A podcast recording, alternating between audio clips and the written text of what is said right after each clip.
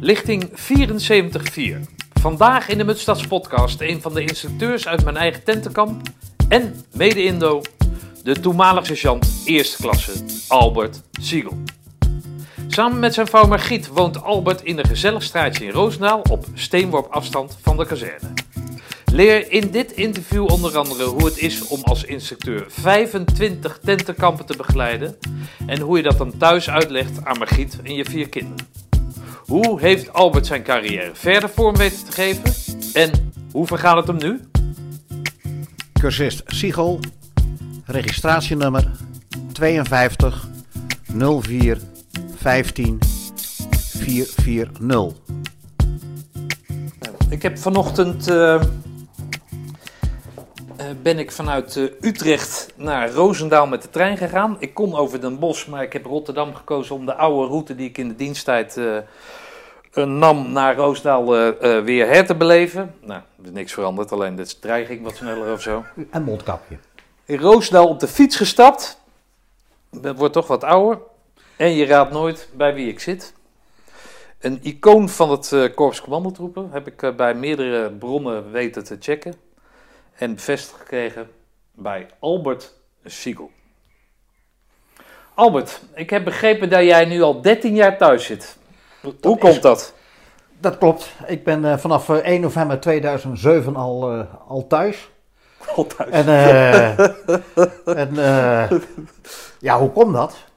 Gewoon met, eh, met 55 is het gewoon afgelopen met, eh, dan zegt haar majesteit, we hebben je niet meer nodig. Alhoewel eh, de FLO-leeftijd, functioneel leeftijdsontslag, dat is nu inmiddels verhoogd naar 60 jaar. Oké, vijf jaar extra. Vijf jaar extra. En toen is men gaan tellen vanaf het eh, geboortejaar 1952. En dat betekende voor mij, want dat is mijn geboortejaar, dat ik zes maanden extra heb moeten dienen. Wat natuurlijk helemaal niet erg was. Maar dat wist je of, eh, of eh, bleek dat achteraf? Nou, dat kreeg je pas achteraf te horen.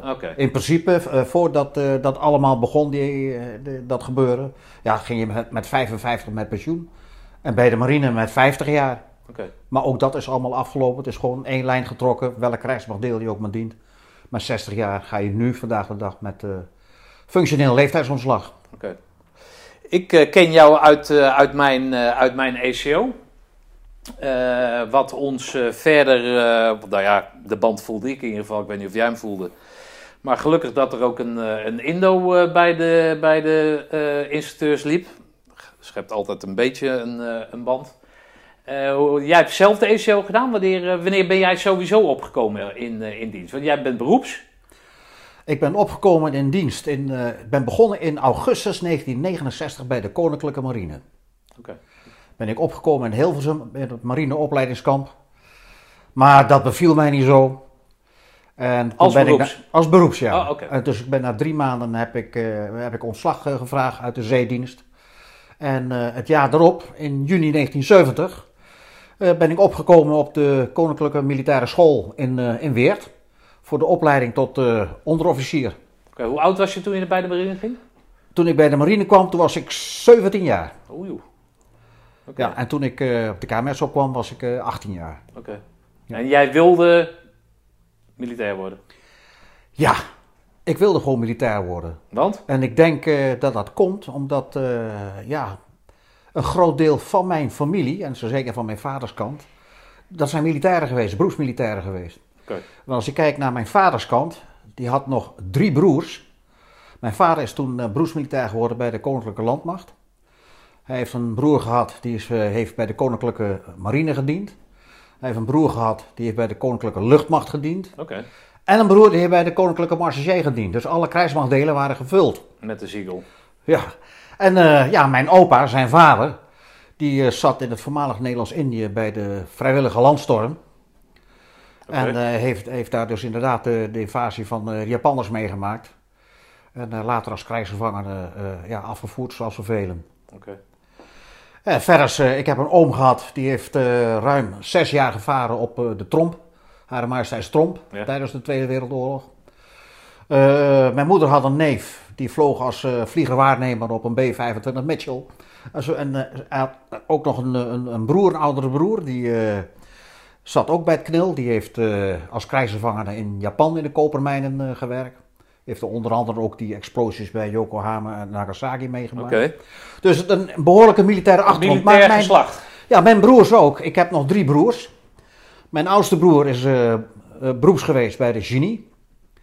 Eh ik zelf dan bij de infanterie. Ik heb nog een jongere broer gehad, die eh, is naar de KMA gegaan. Alleen die opleiding heeft hij verder niet afgemaakt. Maar heeft wel jaren bij de Nationale Reserve gediend. En mijn jongste broer als eh, burgerambtenaar bij het ministerie van Defensie. Oké. Ambtenaar slash militair. Dat... Nee, geen militair. Gewoon als burgerambtenaar. Nee, maar jullie, als ik jullie zeg maar, jullie Siegel, Siegelgeslacht zijn dat, zijn dat militairen. En eh kiezende ook voor het bestaan van ambtenaar en, en militair, Ja. dat gecombineerd. eh. Ja. Oké, dus jij gaat naar de KMS, dan eh, ga jij. waar ben je dan gelegerd na de KMS? Toen ik ben geslaagd voor, voor sergeant, ben ik geplaatst als groepscommandant en later als pelotonsergeant bij het 43e Panzerinfanteriebataljon in Assen. Op de Johan Willem Friesel kazerne. Ja. En tijdens een oefening Panzerstorm hier in Roosendaal ben ik eh, geronseld om eh, hier bij het Korps Commandotroepen te willen komen. Nou, daar heb ik... eh, ja, Door wie was dat? Door wie werd je geronseld? Ik werd geronseld door de toenmalige sportinstructeur, de sergeant Breinburg, Just Breinburg. Oké, Ja, boven in de klimtoren notabene. oké, daar zat hij altijd? Of, Nou, wij waren hadden toevallig les klimtoren. ja. Ja. ook een icoon. Hè? Eh, ja, zeker. Ja, ja, ja. ja, ja, ook een icoon. Een van, eh, eh, nou, ik denk de enige Surinamer in ieder geval van het KST toen de tijd. Nee, was er nog geen. Edwin Altenberg. Oh, oké. Ja, Edwin Altenberg. Is ook een van de instructeurs. ja. Oké. Maar goed, jij wordt geronseld en dan zeg jij ja? Of wat, wat Ik zeg, ik van- zeg ja, en diezelfde dag moest ik nog bij de adjudant personeelszaken komen. De Ja. toenmalige adjudant Bakkers. Die moeten we vast ook allemaal nog wel kennen. En eh, dan moest ik eh, een seintest afleggen. Oké, oh, dat was toen al. Dat, dat was toen al, een seintest afleggen. En eh, ja, dat ging eigenlijk allemaal goed. Oké, dat was in de periode dat, dat, dat de 104 eh, in, eh, gesticht werd, zeg maar. Of dat er nieuwe taken Nee, die, waren voor... die, die eh, bestond al. De, Oh, die bestond de al. 104 waren in verkenningscompagnie bestond toen al. Oh, oké. Dus Daar hoorde dat zijn hoorde ja, daarbij. dat hoorde daarbij, ja. Ja, dat moest je wel kennen. Dus Dat jij doet die test, dan, dan word je daar goed geacht. Dus dat staat voor dat je, dat je in ieder geval eh, dat onder de knie zou kunnen krijgen. Ja. En dan ga je meteen de commandoopleiding in? Of Nee, nee, nee, nee. Ik, eh, ik, ik moest nog een lichting afmaken in, eh, in Assen. En die lichting die moest geloof ik nog een, een maand of zes, zeven, misschien acht maanden. En ik ben toen in maart 1974 ben ik overgeplaatst naar het Korps Commandotroepen in Roosendaal. Oké. En hoe gaat dat dan? Nou, dan kom je binnen als beroepssergeant. En eh, met samen nog eh, drie andere collega's. Ben van de Oetelaar en eh, Robbie Hellendoren. Ja, met die kwamen, kwamen we op, ja. En ja, maar ja, je bent nog geen commando. Nee. Dus je bent eigenlijk niks. Nou, ik ben Indo, dus dat is jouw voordeel. Dat scheelt misschien. dat scheelt, ah, dat scheelt een hoop, joh. Ja. Dat scheelt een hoop. Nee, maar ik kan me herinneren, toen je nog geen, niet groene beret dragende was. Dan zat je daar s'avonds in die uh, onderofficierskantine. Ja. En daar zaten we altijd achter zo'n muurtje, dat niemand ons kon zien. Want Ja. je wist, als een groene beretdrager binnenkwam, dan, eh, ja, dan, dan, dan was het niet best. Oké. Dus als iemand zei, jongens, wie gaat er bier halen? Dan eh, ging je eerst even rustig om het hoekje van de muur kijken of er niemand was. En dan ging je snel naar de bar. En dan hoopte je maar dat de barkeeper snel drie pilsjes kon tappen. Dan kon je tenminste snel weer terug. Oké. Wa- Jij zat Toen- daar intern? Ja, ja, zaten daar. Ja. Ja, ik woonde toen in Den Haag, dus... eh, Oké. Maar ik kan me nog herinneren, uit die tijd zaten we met z'n drieën daar achter die bar gezellig. En het was mijn beurt om bier te gaan halen. En ik deed mijn ogen op het hoekje van de muur, niemand te zien. Dus ik vloep naar de bar. Maar die vent, die was, zat aan de telefoon, die barkeeper. En ik denk, oh, schiet nou op. En ja hoor, ik had natuurlijk pech. De deur ging open en er kwam een groene beretdrager er binnen. En ik was bier aan het bestellen. En toen tikte hij mij op mijn schouder. Hé hey, beroeps, heb ik een houten bek of zo? ja, nou ja, doe er nog maar één bier bij. ja, zo ging dat toen. Ja. Was het haat en nijd dus? Of, of, of was nee, nee, nee, dat, dat was, dat was eh, ja, daar kwam je later achter, dat was spel. Ja, oké. Want eh, ik weet ook goed met Jules Breinburg. Ja. Eh, wij gingen, we hadden de vooropleiding erop zitten. En we gingen ons voorbereiden voor tentenkamp. En met een van de laatste sportlessen, die we toen hadden, voordat we tentenkamp ingingen, eh riep Just eh, ons drieën bij hem. Hij zegt, eh, jongens, jullie gaan tentenkamp in. En vanaf dat moment ken ik jullie niet meer. Oké. Punt. Als Juus had, of uh, Sergeant Breinburg had jullie geronseld, dus jullie hadden iets van een bandje met elkaar. En dat werd toen, op dat moment werd er even duidelijk gezegd Ja, jongens, nou is het ja. menens. Ja, dus daar was je gewoon eerlijk in. Punt. En dat, dat was ook zo, dat bleek ook later. Dus, Maar dat, voor de rest stond dat eh, van, eh, van het tentenkamp wat er aan zat te komen, waren dienstplichtigen. waren eh, allemaal dienstplichtigen, ja. Oké. Hoe Ja. was de band tussen jou en die, en die mannen dan? Dat was, dat was gewoon goed. Je- want die mannen kwamen eh, eh, gelijk met ons op. Ja. En eh, ja, omdat jij al een beroepsman was, werd je ook ingezet voor bepaalde ondersteunende taken, weet je wel. En je moest ook eh, een aantal lessen voorbereiden en lessen geven, de simpele velddienstlessen. Ja, ja, oké. Eh, dat, eh, dat Ja, je was zaken. natuurlijk al, je had die KMS al gedaan, Ja, dus je was gewoon eh, volledig. Dus Dus je werd gewoon... een jaar of 20, 21 of Toen zo. was ik in 74, was ik 22, ja. Ja, ja. Is dat niet moeilijk dan? om, om zeg maar mensen van je eigen leeftijd te Nee, onderrichten? heb ik nooit problemen mee nee? gehad. Nee. Oh, je had natuurlijk Nooit. al Ja. ervaring uit Assen Ja. mee, meegenomen. Nou, nee, daar heb ik nooit geen problemen mee gehad. Maar dat vond je Dus, leuk. eh, Je vond het ook... Ja, het heeft mij eigenlijk altijd getrokken, ja. Ah, Eh, vooral dat, eh, dat instructieve gebeuren, dat omgaan met, met, met, met de mensen, weet je wel. Zo'n bepaalde kennis bij te brengen. Dat, ja, dat instructief heeft mij altijd heel goed gelegen. Oké, Maar dan ga je die ECO in en dan ben je gelijk aan alle anderen, of niet?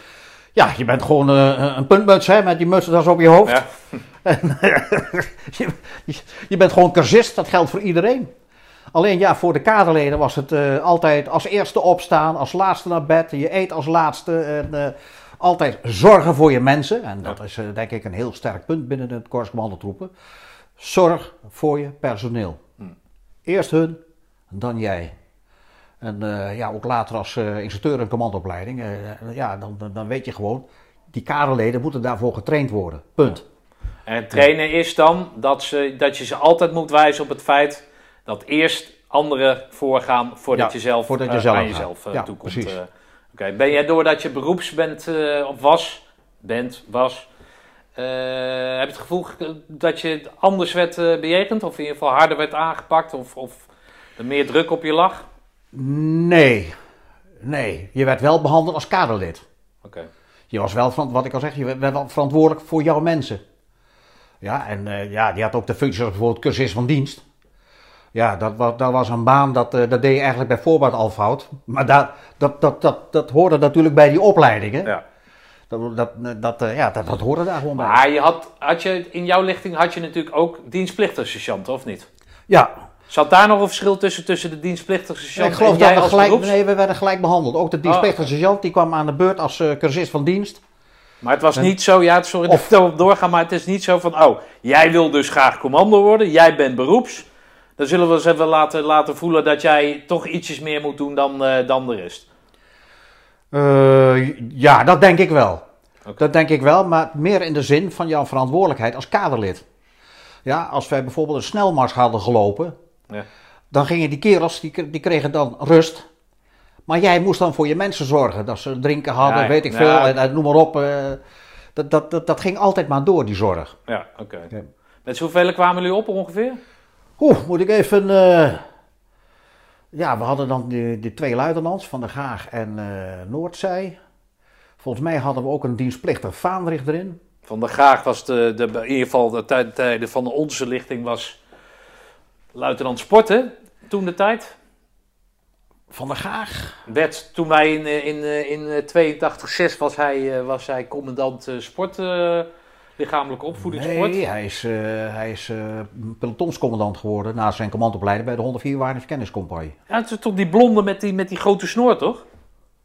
Dat is toch Van der Gaag? Huh? Dat is Hesp. Jos Hesp. Nee, maar Hesp was geen... eh, Nee, dat was sportinstructeur. Sportinstructeur. Van der Gaag was toch die, die, die met die snoor, in de, Rotterdammer of zo? Was hij in Rotterdam? Nee? Nou, volgens mij. Nou ja, goed, hij staat op die foto in het boek. Het boek Commando. Een aanradertje voor iedereen. Maar daar staat hij dan zonder snor op. Ja, en Dus Tentekamp ik was geen, was geen snorren en baren. Nee. En die Noordzij dan, eh, dat, we- die is, eh, dat vertelde je net, eh, afgezwaaid als hele hoge Als, generaal, ja, hè? generaal major, ja. Oké. Dus je kwam met een mannetje of 80 op of zo, weet ik wat? Of Ja, dat moet wel. Alle lichtingen, ook zelf toen ik instructeur was, die lichtingen waren soms wel boven de 100 man begonnen we. Ja. Als we ook nog een peloton mariniers erbij hadden. Ja. En dan, oh ja, je had nog één illustere figuur eh, in jullie dingen en dat was de, was de, de dominee, hè? De dominee, ja, Kees Baas. Ja. Ja, dat, dat, eh, daar had iedereen eigenlijk wel heel veel respect voor, wat die, eh, wat die man daar klaar speelde met zijn 42 jaar. Ja. Want hij was toch een van de oudste cursisten ooit. Ja. Ja, en dat, ja. Ja, die heeft de groene beret zelfstandig gehaald, zeg Ja, maar. Geen ja. Erik of, of nee, nee, nee, nee. Of, heeft, of hij echt, heeft hij echt gehaald en, en, en verdiend, ja. Oké. Ja. Hey, eh, de zware, was het de zware tijd? Heb je dat eh, als een zware tijd ervaren, dat, eh, dat, die, die, die ACO?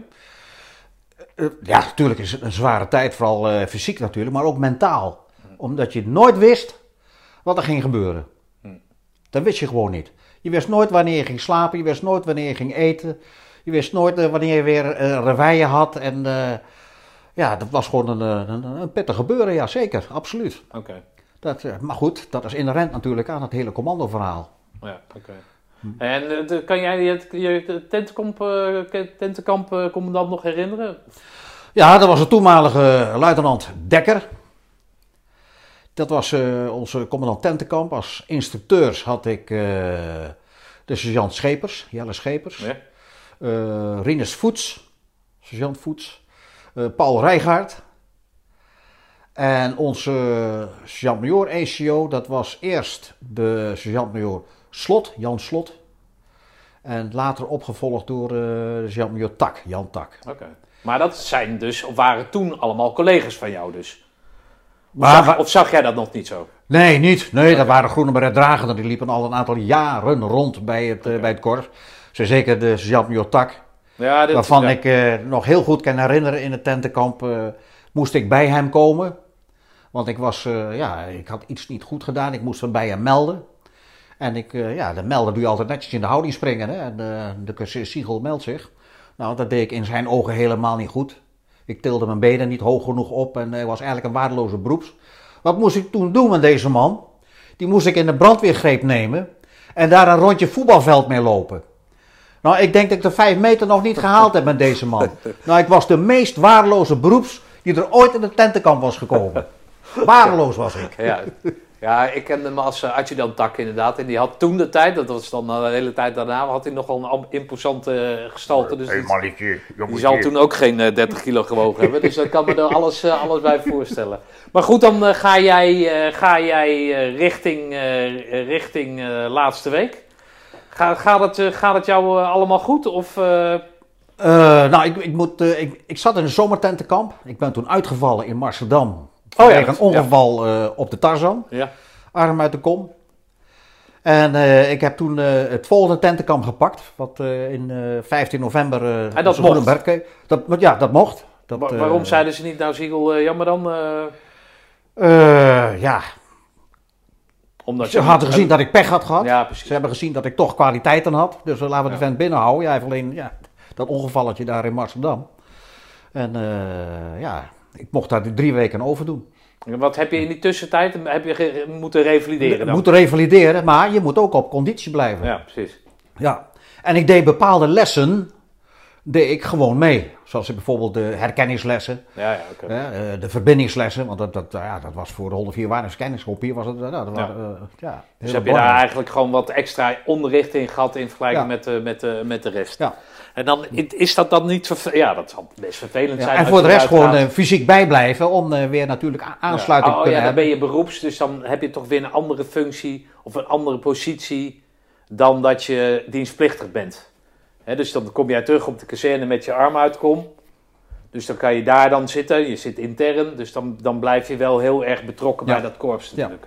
ja. En dan, hoe, hoe word je dan ontvangen in die tweede, tweede lichting waarmee je dan die... Dat ging hartstikke goed. Oké. Ja, dat ging hartstikke goed. Maar voelde jij niet, omdat je dan die eerste vijf weken gemist hebt, mis je dan Nee. nog iets qua kameraadschap? Nee, dat heb eh, ik, heb ik niet gemerkt. Nee? Oké. Nee, dat, dat ging echt eh, dat ging hartstikke goed. Oké. Ja. Alleen ik, eh, dat, dat is ook weer iets leuks natuurlijk. Als beroeps maak je dat weer mee.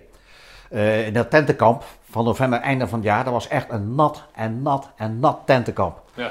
Tot op de dag van de baretuitreiking Regen, regen, regen. Op de foto's kun je dat ook zien. Alleen maar regen, regen, regen. Als gevolg dat veel kerels die waren, eh, ja, die waren ziek. Ja, met- met- iedereen heeft verder wel zijn groene baretje gehaald. Maar ik bijvoorbeeld had last van mijn darmen. En we hadden de commandantenmars gelopen. En we komen aan vlak voor de boerderij bij Baks. Waar je ging kwispelen, weet je wel. Bij de totempaal. En bij de totempaal hield de luitenant Dekker halt.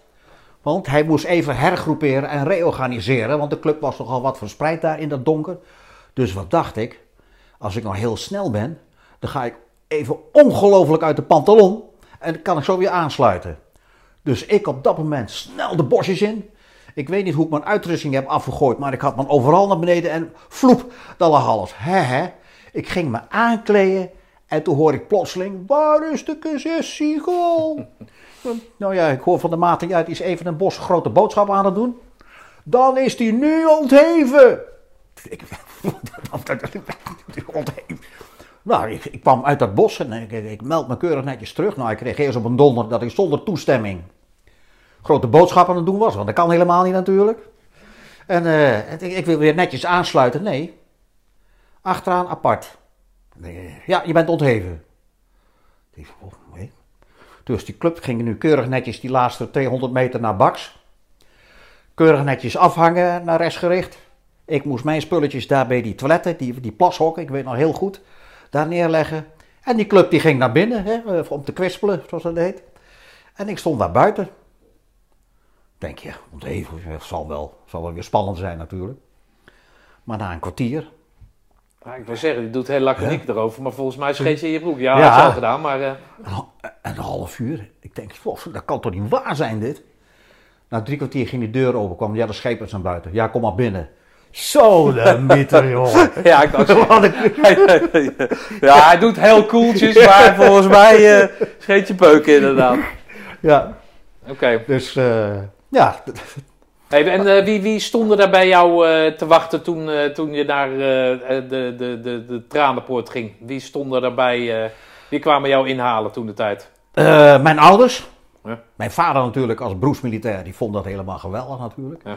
Mijn moeder als eh, trotse, broer, eh, trots, trotse moeder. En eh, Rob was erbij. En, Toen al, ja? en die, me- die mevrouw niet te vergeten. Hè? Ja, hij wijst Ja. op zijn vrouw. Ja. Dus, Hadden jullie eh, toen al verkering? Ja, hadden we een keer. 74, ja. Oh, joh. Ja. Dat is een tijd. ja, ik ken haar al vanaf dat ze 16 jaar was. Geef haar nou even een naam. Stel zijn- je Margriet, aan. Margriet. Oh, ik wou zeggen. Margriet. 45 jaar getrouwd. Ja, we zijn eh, volgende week 45 jaar getrouwd. Oké. Margriet en ik. Ja. Dus er komt er weer zo'n mooi. Hè? Ik Eh, zie je wie- boven? Albert hangt een heel mooi. eh, eh, hoe heet dat? Foto van, de, van het hele peloton, zeg maar. Siegel. Kleinkinderen, kinderen, vier kinderen en acht kleinkinderen. En dan volgende weer. Oh, 45 jaar. Dat is Ja. wel een respectabel eh, Ja. aantal jaartjes. Oh, dan maak je Margriet, dan heb jij hem dus. Maak je hem al wat langer mee dan. eh, Ja. dan eh, 2000. Wanneer ben je afgezwaaid? 2007. 2007. Hele gebeuren meegemaakt. Oké. Ja. Nou, dat is wel, eh, dat is wel uniek. Dat is een hele leuke tijd. Ja. Maar goed, jouw vader die is dan eh berentrots natuurlijk. ja, zeker. Ja, Ja, die was zeker eh beren trots, ja. oké. Ja. En dan eh, kom jij door die poort heen. Dan eh, krijg je die groene beret. Nou, dan een weekje rust of zo? Of is dat, was dat je kreeg een weekje rust, ja. Ja? Ja. En dan? Dan begint er een heel nieuw leven voor jou. Ja, even- Want dan kom je zo, dan kan jij zo. dan kom je als gebreveteerd commando, zeg maar, kom Precies, je dan kun binnen. jij zo die mes in, zonder dat je moet kijken wanneer je bierman gaat bestellen. Dan, Nee, je- dan hoor je er gewoon bij, hè. Want dan ben wordt je er-. Is want, dat eh, meteen zo? Want op de dag van de brettentracking, eh, ja, dat is nog steeds zo, dan word je ingedronken, hè. Ja, oké, maar dan ben je meteen, dan is het niet meer van eh, je bent pas nee, één dag nee, je of zo. dan ben je gewoon volledig, dan word je geaccepteerd en je hoort er dan gewoon bij. Oké. Dus, en dan mag je ook gewoon Jan zeggen en, en Piet en, en niet meer sergeant Breinburg of de sergeant Filius. Oh, dat oké. dingen. Oh, dat, daarvoor was jij als blinker Ja, nog- ja, als Blanco was je echt Ja, ja. nog minder dan een schoenzolen. Ah, oké. Dus, eh, Oké, dus dan word jij volledig lid. ja. En dan, hoe, hoe ziet het leven er dan uit? Eh, wat Want heb ja, ik waar woonde jij dan, Margriet? Want jij woonde in... Den Haag dan. Oh, jij woonde in nog Den Haag. ja. Oké, waar wonen jullie in Den Haag dan? Vlak bij het Zuiderpark, Waar dan? Want In ik de- kom ook uit Den Haag. in de Harmenstraat. Bij de Leijweg. Ah, oké. Ja, nee, ik, heb, ik vertelde over die flats. Dat was de Stedes. Dacht Ik, mijn, mijn oma woonde op de middensteden en wij woonden op de winkelsteden. Ja, ik dacht het ook. Ja, de Leiweg. Ja, ik ben Ja. laatst bij de Lei, nou, hele tijd Leiweg. terug bij, bij de Leiweg geweest. Ja. Ik kwam aan, ik kwam, nou, ik denk dat het tien jaar terug is. Ik kon, die Leiweg kon niet op. Hadden ze er beneden een parkeerga, ja, je weet niet, je weet niet half wat je, het is zo veranderd. Ja, Oh, wat grappig, daar komen we uit dezelfde, dezelfde contraien. Ja. Oké, maar dus jullie woonden in Den Haag, woonden jullie toen al samen? Ja. Ah, oké. Ja, ja, ja, ja. En dan, als je dus in Roosendaal daar dan haalt, je wordt daar dan gelegerd. Dan ga je dan, besluit je dan om daar in Roosendaal te gaan wonen? Ja. Of hoe, hoe werkt dat? Eh, ja, uiteindelijk wel. Oké. Ja, ja, dat was gewoon veel praktischer. En, Ja, eh, ja, toen was jij zwanger van Jitska, van, de, van onze, van onze Oudste. oudste, tijdens de verhuizing. Ja. En eh, ja, wij kwamen hier eh, in de Elisedom te wonen. Nou, daar hebben die kinderen ook een prachtjeugd gehad, een prachttijd. Dat was, eh, dat was echt heel mooi wonen daar. Oké. Ja. Hoe zit dat? Dat is, dat is een vraag wat mij, mij al die jaren bezig gehouden heeft. En waar ik af en toe wel eens gehoord heb, ja, maar dat weet je toch. Hoe zit dat nou met die beroeps toen de tijd? Ik weet niet of dat nu nog nog zo is, maar één keer in de zoveel tijd moet je van functie veranderen. Wat betekent dat je ook wellicht zou moeten verhuizen. Hoe, hoe, hoe, hoe, werkte dat? Ja, toen was dat inderdaad zo. Toen, eh, eh, toen ik bijvoorbeeld sergeant-major werd. Moest je een, zoals men dat noemde, een categorie geëigende functie gaan vervullen. Dat betekende voor mij als infanterist, Ja. en niet alleen voor mij, maar voor iedereen natuurlijk als infanterist, dat je als sergeant-major een CSM-functie moet gaan draaien bij een panzerinfanteriebataljon. Oké. En dat heb ik gedaan bij het 48e bataljon in As, in eh, Den Bosch. Maar sorry, maar dan, dat kan je dus niet als CSM binnen het korps doen. Nee, toen niet. Oh, toen niet. Tegenwoordig eh, hoef je niet meer overgeplaatst te worden. Oh, dat was bepaalde, echt... bepaalde eh, functies of rangen te krijgen. Dat hoeft, dat hoeft nu niet meer. Maar toen wel. Oh, oké. Moest je ook, eh, ook bijvoorbeeld als ze een pelotonsfunctie hebben gedraaid. bij een panzerinfanterie-eenheid. Ja, ja, oké. En dan... Maar dat heeft voor mij, dat, toen ik in de bos werd geplaatst. Oh, niet betekend om te gaan verhuizen naar, naar Roosendaal. Maar dat betekent dat je dan door de week naar huis ging? Of bleef je daar Den? Bosch was reisbaar. Want ik ging daar samen heen met eh, nog twee collega's van hier. Ja. Onder andere Riem Broeders. Ja. Die zat bij mij in de compagnie. En dan eh, gingen we s'avonds, eh of, s morgens die kant op en s'avonds weer, weer terug. Oh, oké. Ja, dat was een klein uurtje rijden, Den Bosch. Oké, En hoe lang heb je daar dan gezeten bijvoorbeeld? Daar heb ik twee jaar gezeten. Is dat dan niet heel gek? Nee hoor. Nee? Je, je wist gewoon niet beter. Je wist gewoon, je wordt sergeant-major, dan moet je ook een functie buiten de poort draaien. Nee, maar laten we eens beginnen bij dat je sergeant was. Hè? Dus een jong sergeant. Wat was, jouw, wat was jouw toekomstbeeld dan? Wat werd er gezegd? Je moet vier jaar in Roosendaal blijven. Eh, Wat was je, hoe werd je carrièrepad eh, geschetst? Eh, Nou, je wist in ieder geval, je werd, ik, werd als, ik werd als sergeant hier geplaatst in, Ro- Ja. in Roosendaal. Ik ben hier ook sergeant eerste klas geworden. Ja. En van hieruit eh, ben ik als eh, een oudere sergeant eerste klas naar Breda gegaan, naar de HOOS, de hogere onderofficiersschool. ja. Dat moest je ook gedaan hebben voordat je sergeant-major werd. Nou, ik ben dat, eh, met Jimmy Haak heb ik dat toen gedaan. Ja. Op en neer gegaan naar, eh, naar Breda. Nou ja, Breda, daar kan je kruipen, toch? Ja, daar kan je bijna kruipen, ja. Oh, Of ben je geen commando? Jezus, Ja, Breda. dat deden we altijd. eh. maar dat moest je dus allemaal gedaan hebben. Ja. Anders kon je namelijk geen sergeant-major worden. Ja, oké. Maar dus Nou, jij ik ben- bleef altijd wel hier, de eerste Ja. paar jaar, altijd Ja. in deze contract? Ja. Oké. En eh, ja, de eerste functie die ik dus buiten de poort heb gedaan, was die als uh, eh, in, de, in de bos. Bij het 48e bataljon.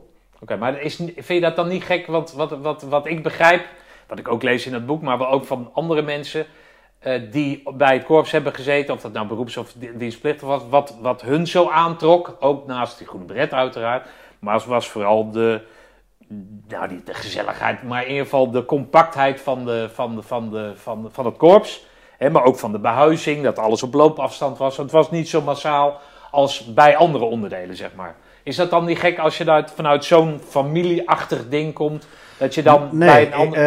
eh, ik kan me wel voorstellen als je echt naar de grote legerplaatsen werd overgeplaatst. Bijvoorbeeld Steenwijkerwold.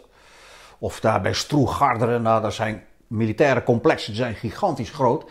Maar zoals Den Bosch, Ja. daar daar zat alleen dat 48e bataljon. Ah, En dat was echt een, eh, een kleine, knusse kazerne. Beetje te vergelijken als met die... eh, niet helemaal te vergelijken met, met, met hier in, in, in Roosendaal. Maar ja, het was toch klein, al iets anders van opzet. Maar eh, Ja, alleen die eenheid zat daar. Terwijl Ja, als ja. je naar de grote legerplaatsen kijkt, dan zat er gewoon een brigade, een bataljon infanterie, daar zat een afdeling artillerie, eh allerlei genie en weet ik veel. Dus eh, dat was, ja, dus oorschot hier, och, ook zo'n groot complex. Ja. Ja, dan kan ik me voorstellen dat je je daar verloren voelt, weet je wel. Maar hier niet, omdat je zo klein was, net als hier eigenlijk. Ja, iedereen kende elkaar, joh.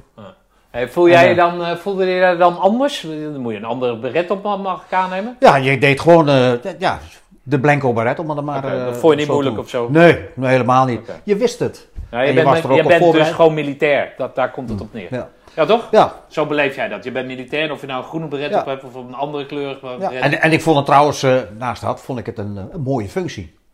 CSM, compagnie oké, Ja, dat was een hele mooie functie. oké. En En ik had als kompiescommandant, had ik eh, de toenmalige kapitein Vlijm, Arthur Vlijm, Ja. was een commando. Ja. Die heb ik zelf nog als, eh, als cursist in tentenkamp gehad. Riem Broeders, ook een commando, heb ik ook als cursist in tentenkamp gehad. Oké, je hebt veel tentenkamp gedraaid, vertelde je. Ik heb ongeveer eh, 25 tentenkampen gedraaid, Ja. ja. Als, zowel als sergeant, sergeant eerste klas, als eh, de sergeant major toegevoegd. Ja, dat is, eh, we hadden het net, eh, zeg maar, stel dat de gemiddelde eh, lichting eh, 100 man bevat, hè, bij het begin.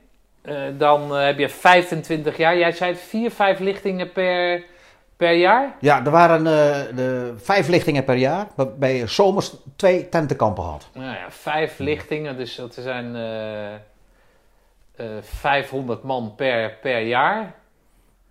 Ja, dus dat, dat- dat- ontzettend veel mensen kennen de Siegel. Eh, dat moet, ja, als je zo'n Ja, rekensom nee, maar maakt. ja. Ja. ik- kom niet zozeer Ja. uit die rekensom, maar eh, eh, ja, dat zijn natuurlijk verschrikkelijk veel mensen. Ja. Oké, kan jij daar eens wat over vertellen over eh, eh, wat daar zo leuk aan is om, eh, om instructeur te zijn in het algemeen en dan in het bijzonder in, de, in de ECO?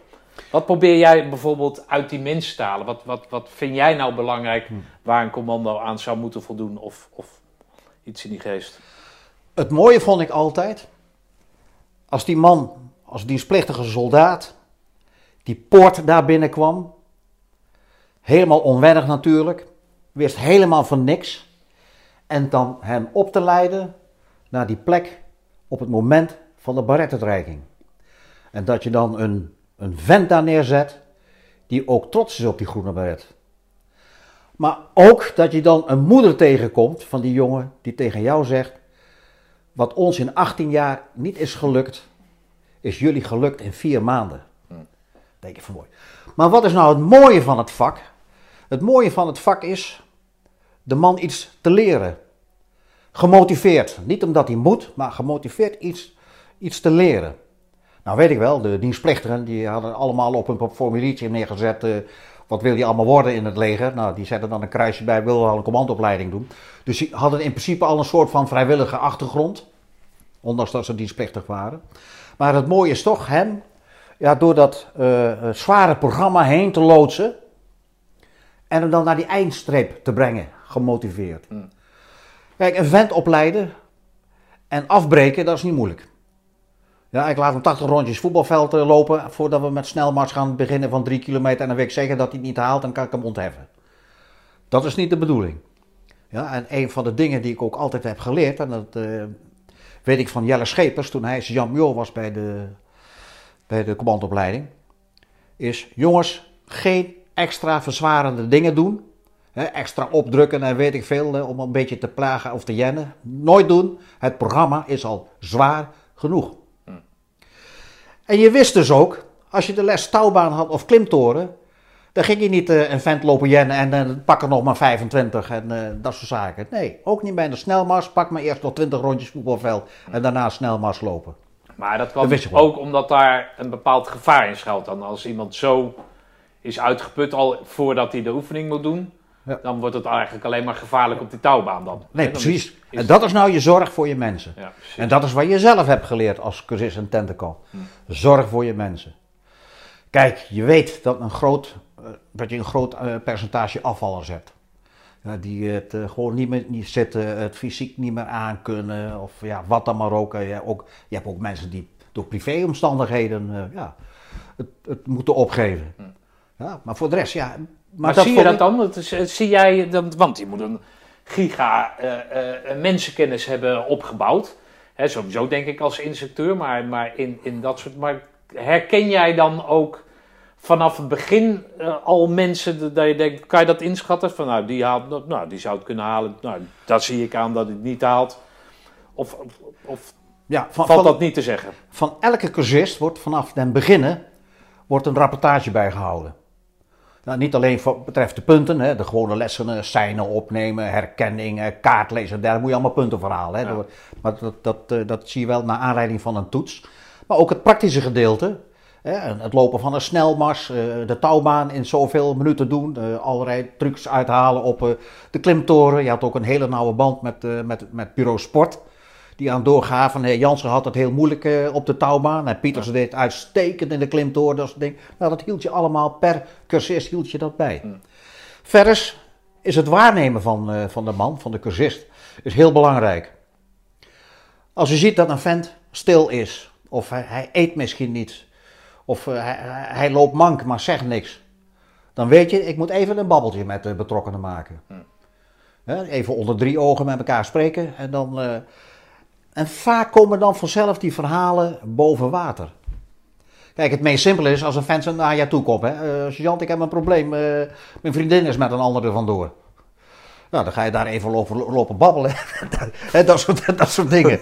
Ja, nee, maar daar noem je iets, dan moet ik gelijk weer aan iets denken. Dat eh, als de, mannen vrijdags met verlof gingen op het tentenkamp, dan stonden op de vijfsprong stonden dan de bussen die ze naar het station moesten brengen. En dan eh, deed ik altijd als Jan Joor mijn laatste rondje. En dan zei ik altijd tegen mannen: We lopen, pakken de weekendtassen op. En dan gaan we lekker naar huis. En dan zie je het meisje weer. En dan zie je ze zo glunderen, weet je wel. Met haar nieuwe vriend.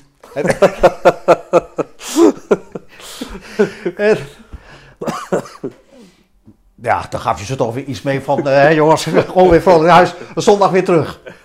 Dus, eh, maar het, het, eh, het, het waarnemen van de mensen, het op ze letten, maar dat doe je niet alleen natuurlijk. Hè. Je bent met een instructeursteam, met een team dat je dat allemaal in de gaten houdt.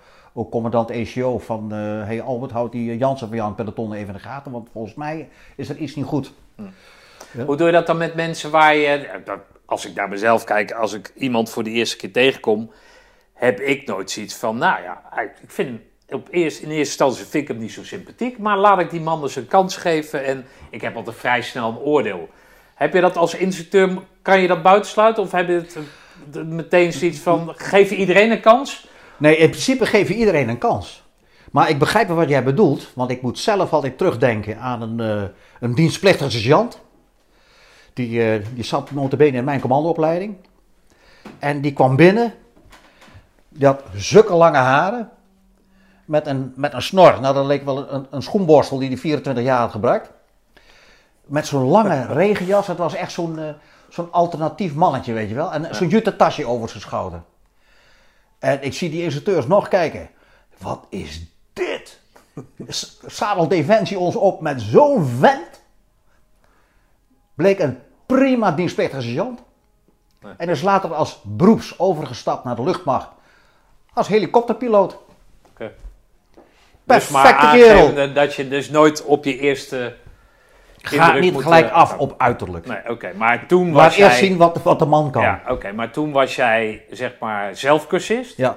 Maar hoe heb jij dat gedaan als, als opleider? Hoe, ben jij gewoon blanco qua... qua, qua het maakt niet uit. We gaan, we gaan het gewoon testen in die acht weken. Daar Ja. zijn die acht weken Ja. voor. En je geeft iedereen dus een kans. Iedereen, iedereen gewoon een kans geven. Oké, Maar je hebt Nee. nooit een hekel aan iemand gehad. Dat je denkt van, godverdomme, wat ben jij toch een irritante gozer. Zal ik jou eens even... Pak dan nog maar eens een paar. Of heb je dat altijd weten te onderdrukken? Nee, ik geloof niet dat ik eh, echt eh, aan iemand een hekel heb gehad. Ja, jij kent ze Nee. toch wel, Albert? Je, hebt toch, je, je bent toch een Indo? Daar heb je toch af en toe wel eens een hekel aan iemand? Of eh, zie ik dat dan verkeerd? Kijk, iemand die voor het korps kiest, Ja. die, die, die, die kiest voor iets. Dat is al een vent. Die heeft al een stukje bagage bij hem om dit te willen doen. Anders doet hij dat niet. Nou, Dus daar, daar heb jij al bewondering Je, voor. maar je ziet wel, en dat in de voorbereiding, dat bepaalde mensen misschien wat problemen hebben met het samenwerken. Ja. Wat, wat heel belangrijk is, hè? je bent een, een teamspeler, dat, dat is het enige waarvoor je gaat. Maar da- daar leid je hem voor op. En eh, ja, aan het einde van die vooropleiding, dan krijg je natuurlijk een bepaalde shifting aan de hand van resultaten. Ja, en eh, ja, dan, dan, dan heb je al een, een, een aantal mensen die afvallen. Ook tijdens die vooropleiding al. Maar uiteindelijk, op het moment dat die commandoopleiding begint, heb je dus een club waarvan eigenlijk iedereen geschikt is om die groene baret te kunnen halen. Dat heeft hij in zijn bagage. Conditioneel en qua technische kennis. Ja, dat er een aantal is wat het natuurlijk niet haalt, dat is weer een ander verhaal. Daar zijn andere oorzaken voor. Maar nee, ik, ik, ik kan me niet herinneren, om op je vraag terug te komen, van nou dat is een vent daar geen hekel aan, die ga ik even zijn nek omdraaien. Nou ja, nee, dat is goed om te weten. Eh, dit- Ik kan me zo nee. voorstellen dat ik dat dan wel zou hebben, maar ik ben een heel zielig mannetje daarin. Dus wat dat betreft, gelukkig maar dat we verschillen. Hoe, eh, hoe zit dat nou eigenlijk? eh, ik zou je een, verhaal vertellen en daar zijn niet heel veel mensen blij mee dat ik dat vertel, denk ik. Ik kom uit 82-6 en in 83 was een grote NATO-oefening. Wat ik weet, één keer de vijf jaar en die heette Atlantic Lion. Wij hadden een vrij grote lichting die de groene beret haalde. En mij is wel eens ingefluisterd, ja, waarom denk jij... En misschien dat het gewoon een gerucht is hoor, of een, eh, weet ik veel... eh, waarom denk jij dat er nou zoveel... eh, hè, dat jullie zo'n grote lichting hadden? Er moesten gewoon, zoveel teams moesten er gewoon gevuld worden. Dus ja. Zit daar iets van de kern van waarheid in? Of, of, Geloof er geen ene blote kont van. Nee? Geloof er geen ene blote kont van. Want de lichtingsterkte is afhankelijk van het potentieel wat, eh, wat er binnenkomt. En wat ik al zeg, de ene keer had je, had je, had je maar twee pelotons eh, wat binnenkwam. Omdat je maar te weinig aanmeldingen had. Een andere keer, als ik heb één keer meegemaakt, drie pelotons met één peloton ma- mariniers. Hadden meer dan 100 man begonnen met de commandoopleidingen. Ja. En ja, dat jij dan toevallig met Atlantic Lion eh, met een grote club zat. Nee, maar juist omdat dus Atlantic Line was, er zoveel ploeg... Nee? Ik ben blij dat je het zegt, Albert. Nee, nee, nee, nee, we- ja, 100, en- de- de- de- waarschijnlijk heeft de hele 104 toen deelgenomen aan... eh, Ja, nee, de hele 104 deed mee. Ja, nee, absoluut. Nou ja, gelukkig, dan is dat... We eh, hebben ook in het verleden, weet ik, eh pelotons gehad in de 104. Die bestonden maar uit twee ploegen van vier man of drie. ja. Nou ja, goed, dat zijn natuurlijk Ja. altijd de stoere pelotons. Want we begonnen met 500 man en we zijn met z'n achter over. het, was, het was net oorlog. Weet je wel, dat soort, dat soort verhalen krijg je natuurlijk altijd nog. Maar dat is, eh, dat is nou, gelukkig niet aan de hand. Hoe lang, eh, hoe lang eh, ben jij... Nee, want, om even op je vraag ja? terug te komen, op je opmerking. Dat zou dus betekenen dat een aantal kerels gratis een groene beret hebben. Nou ja, gratis wil ik niet zeggen, maar wel. Kijk, ik heb, ik heb bijvoorbeeld, ja, een beetje sidestep, maar ik heb die documentaire gezien eh, over het Corps Mariniers. Als je die niet hebt gezien, die moet je, moet je echt zien, die is op YouTube eh, te zien. En daar gaat het over dat eh, ehm, eh, er een aantal mariniers moeten zijn. Hè? en dat ze vroeger gingen voor de beste, hè? dus allemaal acht en negens. Maar dat het aanbod nu gewoon veel minder is. Die film is redelijk gedateerd, was zes, zeven jaar oud of zo. Maar dat het aanbod gewoon minder is. En dat ze nu gewoon genoegen nemen met een goede zes. Hè? Eh, dus waar ze vroeger mensen afwezen omdat het een 6 was, hebben ze nu door, door personeelsgebrek nemen ze genoegen met een 6. Nou, en dan wordt er gevraagd aan die, eh, aan die corporaal die dan eh, zeg maar opleider was: van nou ja, als die 6 dan met jou naar Afghanistan moet. Hè, wat, wat, wat vind Nou ja, dan is het gewoon een collega van mij, want eh, hij heeft het gehaald. Dus dan, dan, weet je wel. Dus dat is eigenlijk meer de vraag die daar dan achter steekt. Niet dat je hem gratis krijgt, maar dat je wel gevallen hebt dat je denkt van ja, nou zou die hem halen als, de, als er meer aanbod was. Hè? Maar ja, ik heb ook wel eens verha- verhaal gehoord, nou, en dat is dan weer van die mariniers, dat er een kerel werd, nou ja, laat hem er maar bij. Hè? Nou, hij is wat aan de zwakke kant, maar, la, maar dat die kerel, toen ze in een hinderlaag eh, liepen ergens in, uh, weet ik veel, in uh, ver weg is dan, dat die zwakke kerel, om het zo maar te zeggen, ja, dat die opstond en het hele peloton leiding gaf. In een situatie waar iedereen dacht van, we gaan er nu aan. Almost heaven, West Virginia, Blue Ridge Mountains, Shenandoah River.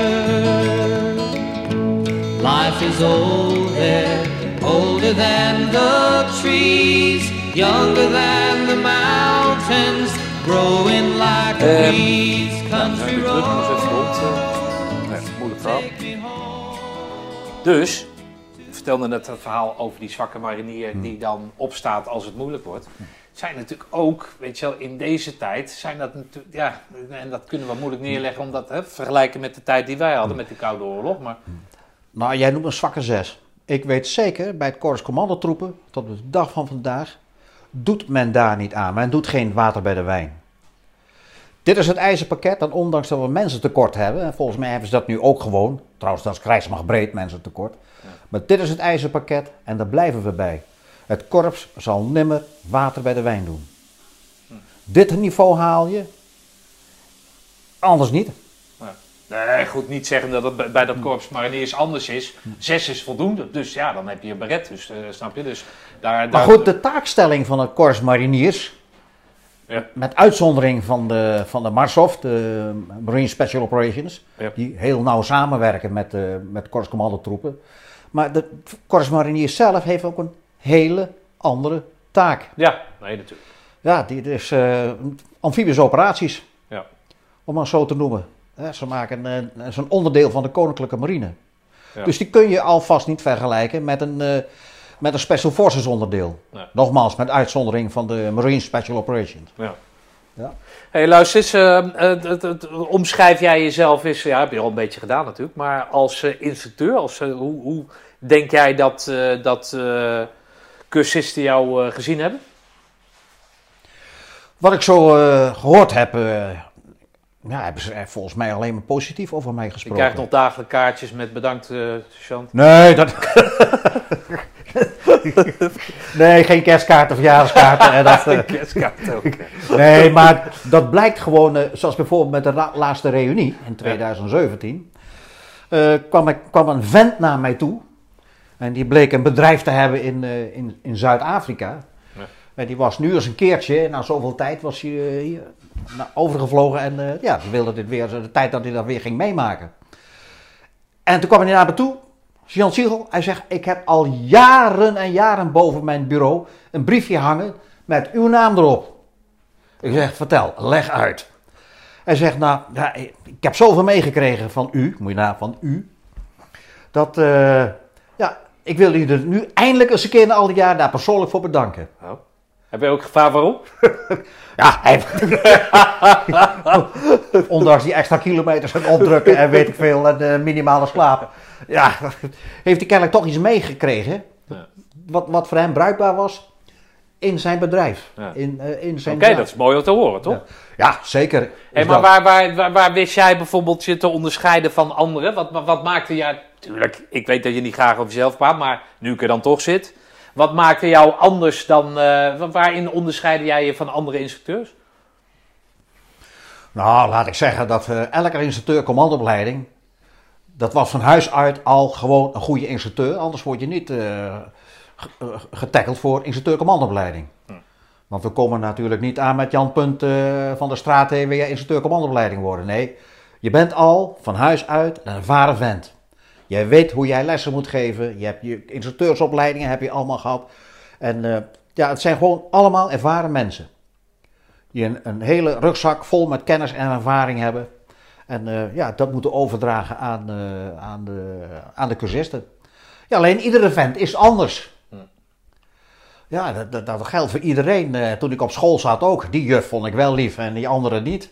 En die meneer vond ik ook aardig, maar die andere Ja, tuurlijk, andere maar... niet. maar, Maar ze wisten het wel op jou over te brengen. ja, ja en, en alleen- jou naar een bepaald niveau te dragen. Ja, maar wat jij aangaf, dat wat jij moeilijk vond in jouw eigen eh ECO was dat je nooit wist waar je aan toe was. Ja, dat was god voor hun ook. Want Ja, het maar- programma was onbekend. Maar op de lagere school wist je dat je om half drie klaar was, toch? Dus Ja. dat, dat maakt het even anders. Maar wat ik bedoel te zeggen, waar, waar ik naartoe wil, is dat wat op een gegeven moment kreeg ik door namelijk. Hè, en niet dat het nou zo heel eh, snel was, maar dat het gewoon een spel was. Hè? dat schreeuwen en dat gedoe en, en, en over de kling jagen en dat soort zaken. Zoals ik me jou herinner, hè, is, was jij niet eh, als sommige collega's eh, met de bottenbijl en ik zou jou eens krijgen bij wijze van spreken. Hè, het was toch allemaal een beetje Indisch misschien, hè, wel duidelijk, eh, eh, met humor, eh, maar niet eh à la eh, collega Verheij bijvoorbeeld. Ook, die had natuurlijk ook heel veel humor, maar was toch een ander, op, op een andere manier gespeeld, toch? Eh, ja, maar wat ik al zeg, iedere vent is anders. En je noemt nou collega Verheij, Aad Verheij. Ja, een zeer, Lekker. zeer, zeer kundig instructeur. Absoluut. Zeer kundig instructeur. Dat Ja. ontbrak hem echt niet aan kennis en, eh, en Nee, ervaring. nee, dat zeg ik niet. Maar ja, eh, iedereen heeft een, een bepaalde manier van omgaan eh, met... Ja, maar vertel Met- eens, met- hoe deed jij dat mensen. dan? Hoe deed jij dat dan? ja, hoe moet ik dat nou uitleggen? Ik, heb, ik weet, hè, dat heb ik je net verteld, ik weet één, eh, één anekdote. Ik weet er nog een andere, maar die vertel ik eh, zo dadelijk. Jij loopt met het kader van ons tentenkamp, loop jij naar, eh, naar dan moesten zij putten graven. Andere mensen die er niks van weten, die denken, nou, waar heb je het over? Maar in ieder geval, jij loopt naar dat, naar dat stuk, eh, dat perceel. Die zeggen, mannen, hier liggen de putten. Je moet ze alleen even uitgraven. Hè? Nou, als je er dan, eh, zoals eh, een, een collega eh eh, dat vertelde, ja, dan zit je er al doorheen. Hè, het is helemaal, helemaal geen vervelende opmerking, maar het is wel een opmerking. Godverdomme. Ja, aan de andere kant, ik dacht natuurlijk ook niet dat die putten er al lagen, maar dat je ze even moet uitgraven en dat je daar een paar uur mee bezig bent, dat is even een dompertje. Omschrijf eens hoe is, hoe, hoe, Nou, ik heb zelf humor altijd heel eh, belangrijk gevonden. Je kunt iets eh, op een saaie, eentonige manier gaan, gaan, gaan vertellen en uitleggen. Maar humor is gewoon, dat, dat merk je ook, dan, dan zijn de mensen wat attenter, hè? Die, eh, die worden wakker. En, ik zeg ook, ook altijd met de lessen, nee, laat ik het zo zeggen. Ik kan mijn kleinkinderen, voordat ze gaan slapen, een verhaal vertellen. En na de halve bladzij hoor ik alleen maar naast mij. Maar ik kan ze ook een verhaal vertellen. Dan is het afgelopen. Hé, hey, opa, nog een verhaaltje. Ah, please, please, please. Weet je wel. En ze slapen nooit. Begrijp je wat ik bedoel? ja. Nou, dat vond ik altijd belangrijk. Om het op, op zo'n wijze aan mensen te, te vertellen. En uit te leggen. Ze bij de les houden. Dat, is, eh, dat, is- dat is heel belangrijk. ja. Hey, als En je moet, je moet, eh, je moet ook een, een, een, een, ma- een soort maatje van hun zijn. Hè? Want zij zijn helemaal afhankelijk van jou. maatje, is maatje een goede woord? Ja, ik denk dat maatje een goede woord is. Een vertrouwensman. Maar is niet Ze meer moeten, een ze, vaderfiguur? moeten, ze moeten, eh, ja, misschien mag je dat ook wel zo noemen. Kijk, je, je- het moet niet zo zijn dat, eh, dat ervaar je zelf misschien ook wel eens, dat als er iemand aankomt, oh god, heb je, oh ja joh. Nee, ja, nee, nee. dus- Oh god, nee. nee ja, want dan steek, je er niet, dan, dan steek je niet iets van iemand op, denk ik. Als je dat hebt. Ik denk dat als je, als je inderdaad van, oh, er komt hij en die gaat mij wat bijbrengen. Maar ik weet niet in hoeverre in zo'n ezeel midden in het bos, dat je. Dat je- altijd blauw, oh, daar heb je Siegel, oh, dat is leuk. Oh, dat, die is altijd zo humorvol, joh. Kom jongens, eh, we gaan weer. Ik denk ook niet dat het zo is, toch? Nee, zo moet je dat ook niet, zo moet je dat ook niet zien. Zo moet je dat ook niet zien. Ja, het is een stuk, hoe moet ik het aanvoelen? Ja, oké. Dat is het dat bekende toverstafje van, eh van de Maar iedereen deed dat op zijn eigen manier, zeg je. Iedereen Maar doet het in zat daar, zijn eigen- Zat daar, dat was ik ook benieuwd naar. Zit daar dan een soort van rolverdeling in, of niet? Eh, soms wel. Eén is de klootzak, Ik- de ander is... eh, ik, is, ik, ik, ik weet nog, eh, ik zou staan met, eh, met Henk van de, van de Anker eh, bij Boer Baks. Ja. En eh, de club stond aangetreden. Drie pelotons toen nog eh, in commandoopleiding. Voor afmars naar de kazerne, voor het appel, korpsappel. En eh, ik kom buiten. En ik zie dat de club handschoenen aan heeft. Het was winter trouwens hoor, hartstikke koud. maar wat had ik nou met Henk van de Anker in elkaar gezet? Wij gaan ruzie maken. Over die handschoenen. Ja. Oké, dus ik kom naar buiten, klik, klak, klik, over dat grind. En ik kijk, die club met handschoenen. Dus ik tegen Henk van Anker, wat is dat nou? Ja, eh, Albert, eh, handschoenen, hartstikke koud en dan lopen we zo. Ik zeg helemaal geen handschoenen, uit die dingen. Dus die cursisten, die handschoenen uit.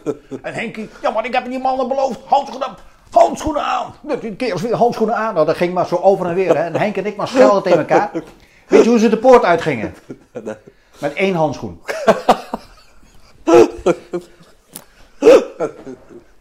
Ja.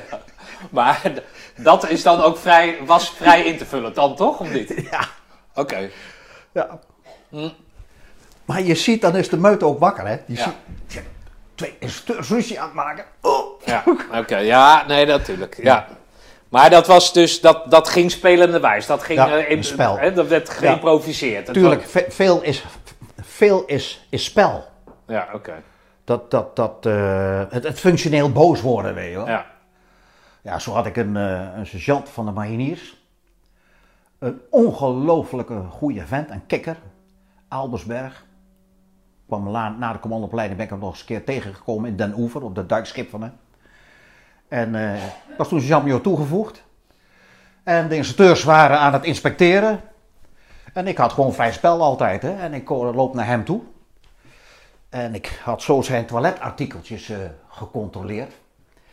En wat zie ik aan zijn scheermes? Dat hij had het scheermesje er op zijn kop ingezet. Dus hij kon zich nooit scheren. Dus ik dacht, nou heb ik hem. Dus ik loop naar hem toe, toe zo. Ik zeg, zeg Albert Berg, heb jij geschoren? Hij zegt, wel joh. Ik herhaal de vraag, heb jij je geschoren? Ja, ik heb me wel geschoren. De vellen hingen erbij van de snelheid, weet je wel. Het bloed liep eruit en alles. Ik heb niet geschoren. Ik heb me wel geschoren. Ik zeg, jij hebt je niet geschoren. Jij als sergeant van de mariniers liegen tegen mij, Jan Joh van de Mando's. Ik heb me wel geschoren. Ik zeg, ik zal bewijzen dat jij niet geschoren hebt. Dus die pakt dat scheermes. Kijk. En hij keek. Nou, hij stak de finaal door zijn schoenzool heen. maar dan zie je dus, en, want hij was een stikgoede cursist. Hij is echt een voorbeeldcursist, weet je wel. In alles. Maar dat bleek ook wel eh, in zijn- in zijn werk als... eh, Wat is een voorbeeldcursist? Eh, een voorbeeldcursist is die gewoon fysiek aan alle eisen voldoet. Eh, technisch aan alle eisen voldoet. Technisch Dus is... toet- eh, technisch zijn ze toetsenherkenning, Oh, verbindingen, zo weet je, dat Ja, kaart ja, lezen, Ja, gedoe. noem maar op. Maar ook als mens. Hoe, hoe, hoe zijn zorg voor, voor, voor, voor, voor zijn mensen. Voor de zorg voor samenwerken met zijn collega's. Dus dat is één groot pakket. Zo wordt ook de- bijvoorbeeld de best man uitgekozen. Hè? Niet alleen eh, wat hij fysiek en alles kan, maar ook hoe is hij als, eh, als, als, eh, als persoon. Hoe sociaal intelligent is die? Ja. Hoe valt hij in de groep? Precies. Ja, ja, oké. Nou, en ja, dat is eigenlijk zo'n modelcursist. Ja, ja, oké. Die, ja. ja, natuurlijk ga je hem als team ga je hem af en toe eens voeren. Hè? Kijken tot, Tot, Tot hoe ver? je kan gaan. Nou, deze Albersberg, ja, die hebben wij ook gevoerd. Die, eh die zich de pies niet lauw maken natuurlijk. Goed, het was al Jan van der Mariniers, dus ook al Ja. de nodige ervaring. Ook beroeps maar toch, natuurlijk, ja. ja. Ja, maar toch. ja. nee, natuurlijk. Hé, hey, luister eens. eh, even een vraag tussendoor. De, die, de, schept dat onderling dan eh, met zo'n commandoopleiding die je dan als instructeur hebt en bij nacht en ontij bezig bent met je collega's. Schept dat een, een levenslange band? Of Ik denk het wel, ja. is dat gewoon, Ja, ben je gewoon meer collega geworden dan dat je bij andere onderdelen bent? Als je zo, zo'n intense opleiding eh, eh, geeft? Je, je bent gewoon een, een team en je, ja, je, je bent gewoon eh, heel hecht met elkaar. Ja, maar ik, ik, ik bijvoorbeeld in het bedrijfsleven. Hè? Je gaat één keer in de drie maanden, ziet die mensen wel eens in, in een restaurant zitten en denk je, och, dat, och, ben ik blij dat ik dat niet heb. Weet je wel, van nou, over twee maanden gaan we met z'n allen uit eten. En dan zitten ze daar te wachten tot het over is. Dat heb je bij jullie, had je dat Nee. niet, toch? Nee. Omdat je de meest vreemde, gekke tijden bezig was. Je had natuurlijk superleuke dingen allemaal, toch? Want je Ja. bent militair en je mag alles doen Ja. en laten wat je wil. Dat, kom je dan ook bij elkaar over de vloer en, en, en dat soort zaken? Ja, zeker wel. Ja, ja ook gewoon, gewoon privé, hè. Ja, straks ga je naar Peter van der Putten. Nou, ik weet dat- dat we daar mosselen gaan eten en weet ik veel. Eh, nou, Peter is een super gastvrij iemand. Ja. Dat, eh, nou, dan ga je wel merken, of misschien heb je hem al ontmoet. Maar eh, het is gewoon een heel fijn mens. Oké, Maar dat, dat gold ook voor zoveel collega's waar ik mee heb samengewerkt. Dat, kijk, nee, maakt dat, het is- maar het maakt is- dat die band sterker? Ja, Dat- zeker, dat- absoluut. Ja, omdat je... Ja, welke bur- kleffe burger heeft er nou dat hij vier uur in de nacht nog ergens... Ja, door- Kleffe burger, ja. Ja, nee, Ja. want als, als ik hoor van een, van een kennis van ons, ja, als ik bij het bedrijf werk, mogen we niet eens praten onder elkaar. Ja. Dat is toch pure slavendrijverij? Ja. Haar, tweelingzusje ook op bedrijf. Zolang je aan het werk bent en geen pauze hebt, mag je niet praten met elkaar. Ja. Wat zijn we voor een landje democratie? Ja. Klopt er helemaal geen ene blote kont van. Ja. Nou, en dat heb je dus wel zo in zo'n team. Kijk, het is ook geen, geen, geen, geen eh, eh, hoe noem je dat? Geen, eh, geen, geen vak of zo. Het is een manier van leven. Dit is echt een manier van leven. Het is niet van, eh, van 9 tot eh 4, zoals een clever burger. Nee, je, je hebt gewoon 24 uur. En daar moet je het in doen, dat hele pakket Ja, aan maar hoe deed je dat dan toen je in de bos zat? Miste je dan niet dat leven, eh, dat onregelmatige leven? Ah, vergeet niet, de panzerinfanterie is ook betonhard werk hoor. Ja, nee, dat Heb- zeg ik niet. Maar omdat jij zei van nou, dan ging ik met broeders van 9 tot 5 en dan reden we met elkaar mee. Maar dan had je gewoon oefeningen en... Goh, ja, Ja, oké. had je maar zat oefeningen, daar was je ook dag en nacht bezig. Ja, oké. Dus dat, dat maakte niet zoveel Ja, verschil. aan het einde van de oefening keek je ook bijna Chinees. Ja, ja, oké. Ja, oké. Maar instructeur zijn is natuurlijk anders dan dat je op Ja, ik heb gaat. dat persoonlijk heb ik dat altijd het, eh, het mooiste gevonden. Wat? Eh, Het instructeur zijn. Ja, Ja, ja, oké. ja. En niet alleen instructeur eh, commandoopleiding, maar je had ook toen in die tijd had je de oefeningen Panzerstorm, hè, ten behoeve van eh, de panzerinfanterie-eenheden en de verscanningsescadrons van de cavalerie. Heb je dat veel, Maar- eh, heb je dat lang gedaan? Ja, heb ik ook een aantal jaren gedaan. Maar ook de gevechtscursussen van de KMS en de KMA Oh, en de OCOSD. Die kwamen ook naar Die kwamen ook hier. Ah, En de. KMS kwam hier twee weken en de KMA en de OCOSD die kwamen hier drie weken. Oké. Ja, en dat zie je dan ook, we hebben weer zo'n mooi voorbeeld met een KMA gevechtscursus. Dat vrijdag bij de evaluatie, voordat de mannen met, eh, met verlof gaan, dan zit daar die, die, die club met die kadetten. En dan eh, hou ik daar een evaluatiegesprek, hoe het allemaal gegaan is en wat niet goed gegaan is en hoe geweldig we wel zijn en niet zijn. En eh, zie ik achter in de klas heel zachtjes hun eigen instructeurs, begeleiders binnenkomen, om, om de zaak niet te verstoren. En die gaan achter in die klas zitten zo. Maar die kerels hebben niks in de gaten en die dames, want er zaten ook dames bij in die tijd. Hè. Op een gegeven moment, het evaluatiegesprek afgelopen, steekt er een, een, een, een, kadet steekt zijn hand in de lucht. eh eh, Jean Mignon, ja. Kunnen jullie geen instructeur bij ons worden op de KMA? Eh, eh, ja, kijk, en dat, dat, soort, dat, dat soort dingen weet je wel. Ja. Dus, eh, ja, dat is mooi. Ja. Dus jij bent geboren instructeur, om het zo maar te zeggen. Nou ja, dat vind je het leukste wat er is. Ik, ja, ik heb daar altijd van genoten. Ja. Hm. Ik heb daar altijd van, ik vond het, ja, dat vond ik altijd geweldig. Oké.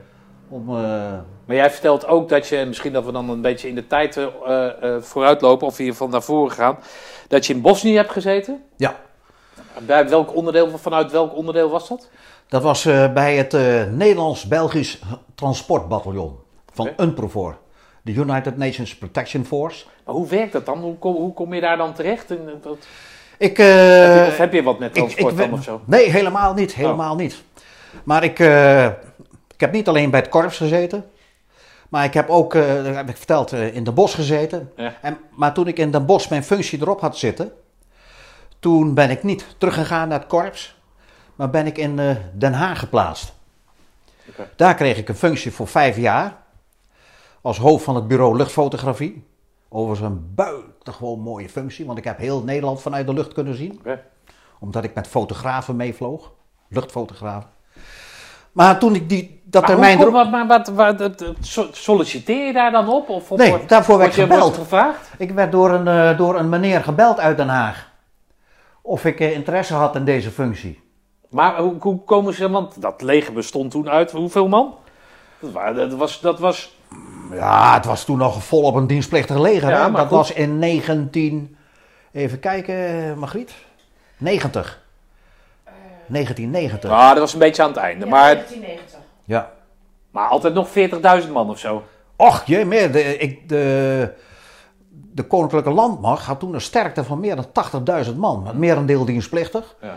En de Koninklijke Marine en de Luchtmacht die waren elk zo'n 20.000 man sterk. Oké. Maar hoe komen ze dan bij jou om... om Ik neem aan dat personeelszaken daar in Den Haag eh, daar eh, zijn mensen voor heeft. Eh, Kijk eens even of er een kandidaat is die van zijn functie afkomt en misschien hier wil komen. Want dat kunnen ze zo zien natuurlijk. ja, hè. oh, zo, dan werkt dat zo. Ja, Ja. oké. Nou, en zodoende kreeg ik een telefoontje. En eh, ik heb toen een oriëntatiegesprek gehad in Den Haag. En eh, toen dacht ik van, nou, is misschien wel eens een keer leuk om eh, in plaats van het bos eh, achter een bureau te gaan zitten. Ja, was nog veel onderweg hoor. Dat was het mooie van die functie. Nee. En ja, toen ik die functie in Den Haag erop had zitten, ja, toen moest ik een termijntje naar, naar Bosnië. Als inlichtingenonderofficier S2, als adjudant. Oké. Binnen de bad. Nou, dat is echt een mooie tijd daar geweest. Ja? Ja, ja. heel mooi. Want wat, wat, Zes wat, maanden. wat was daar aan de hand in Bosnië?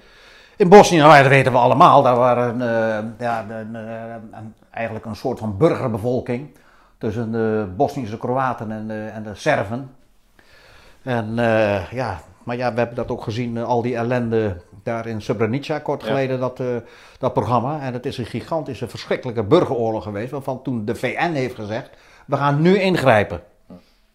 Nou, onder andere heeft Nederland dus daar eh, aan deelgenomen met eh, een eenheid, een bataljon in Srebrenica en een gezamenlijk Belgisch-Nederlands transportbataljon. Oké. Dat Dus was, jullie voorzagen transport voor andere, eh, andere landen die daar aan deelnemen? En aan die, ja, voornamelijk ook voor voedseltransporten aan, aan vluchtelingen. Oké. Ja. Dat dat voor een deel mislukt is en anders is verlopen, is een heel ander verhaal. Maar goed, daarvoor moeten we waarschijnlijk bij de Serven aankloppen. Om daar eens even te gaan uitzoeken hoe dat allemaal eh, eh, ja, in de war steekt. Maar eh, ja. Hoe vond je dat daar? eh, Afgezien van de situatie, maar dat je van ver van huis was. Want Den Haag is ma- makkelijk te reizen. Het toch bossen. Nou, wat dat betreft, ja, ja, is heel mooi als je een ijzersterk iemand thuis hebt, Margriet.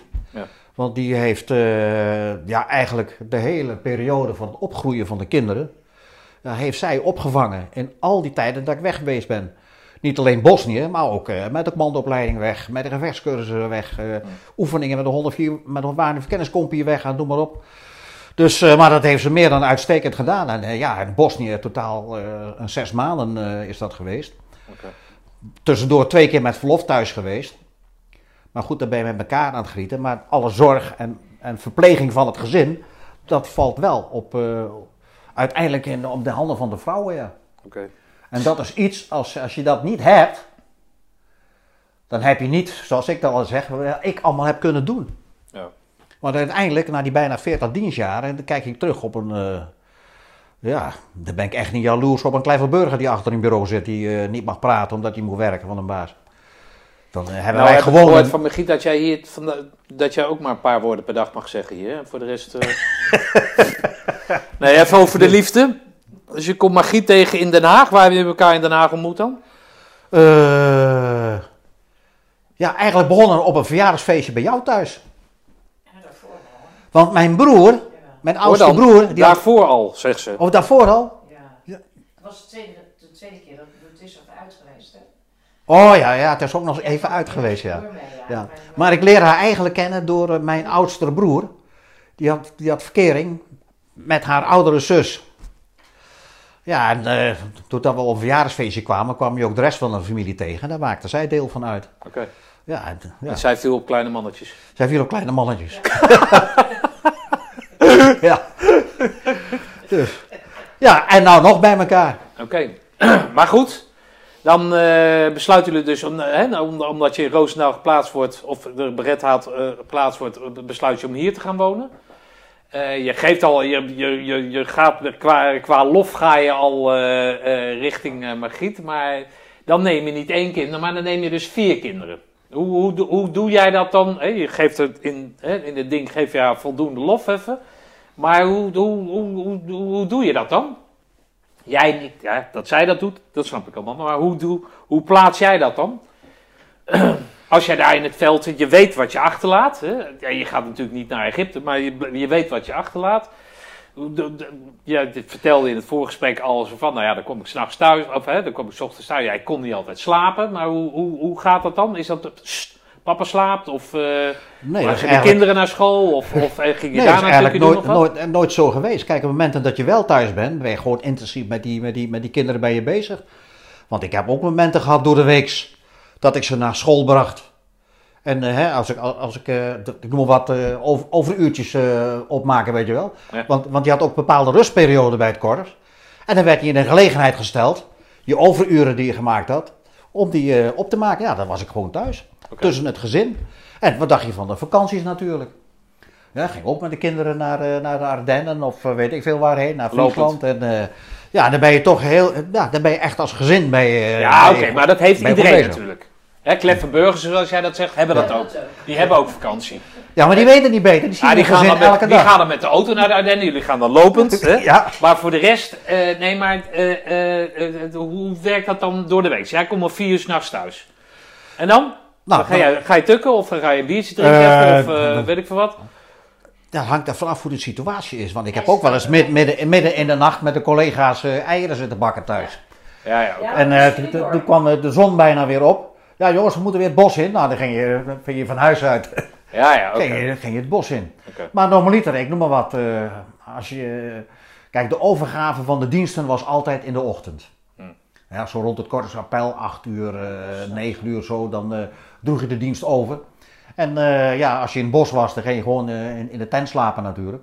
Maar thuis, ja, Ja, ik wel eens ijskoud. Als er, als er nog even gelegenheid was, dan ging je wel eens eh, even nog wat tukje doen. Maar ik heb echt nooit kunnen slapen overdag met daglicht. eh, en dan, eh, nee. Dus je hebt je altijd gevormd hè, of ge- ge- in, in het groeps- of in het gezinsleven. Ja. Het was Maar niet dat, heb- dat jij dat, dat, daar dat een ging aparte- eigenlijk, dat ging eigenlijk vanzelf, Stefan. Dat, ja. Heb nooit over moeten nadenken of moeite voor moeten doen.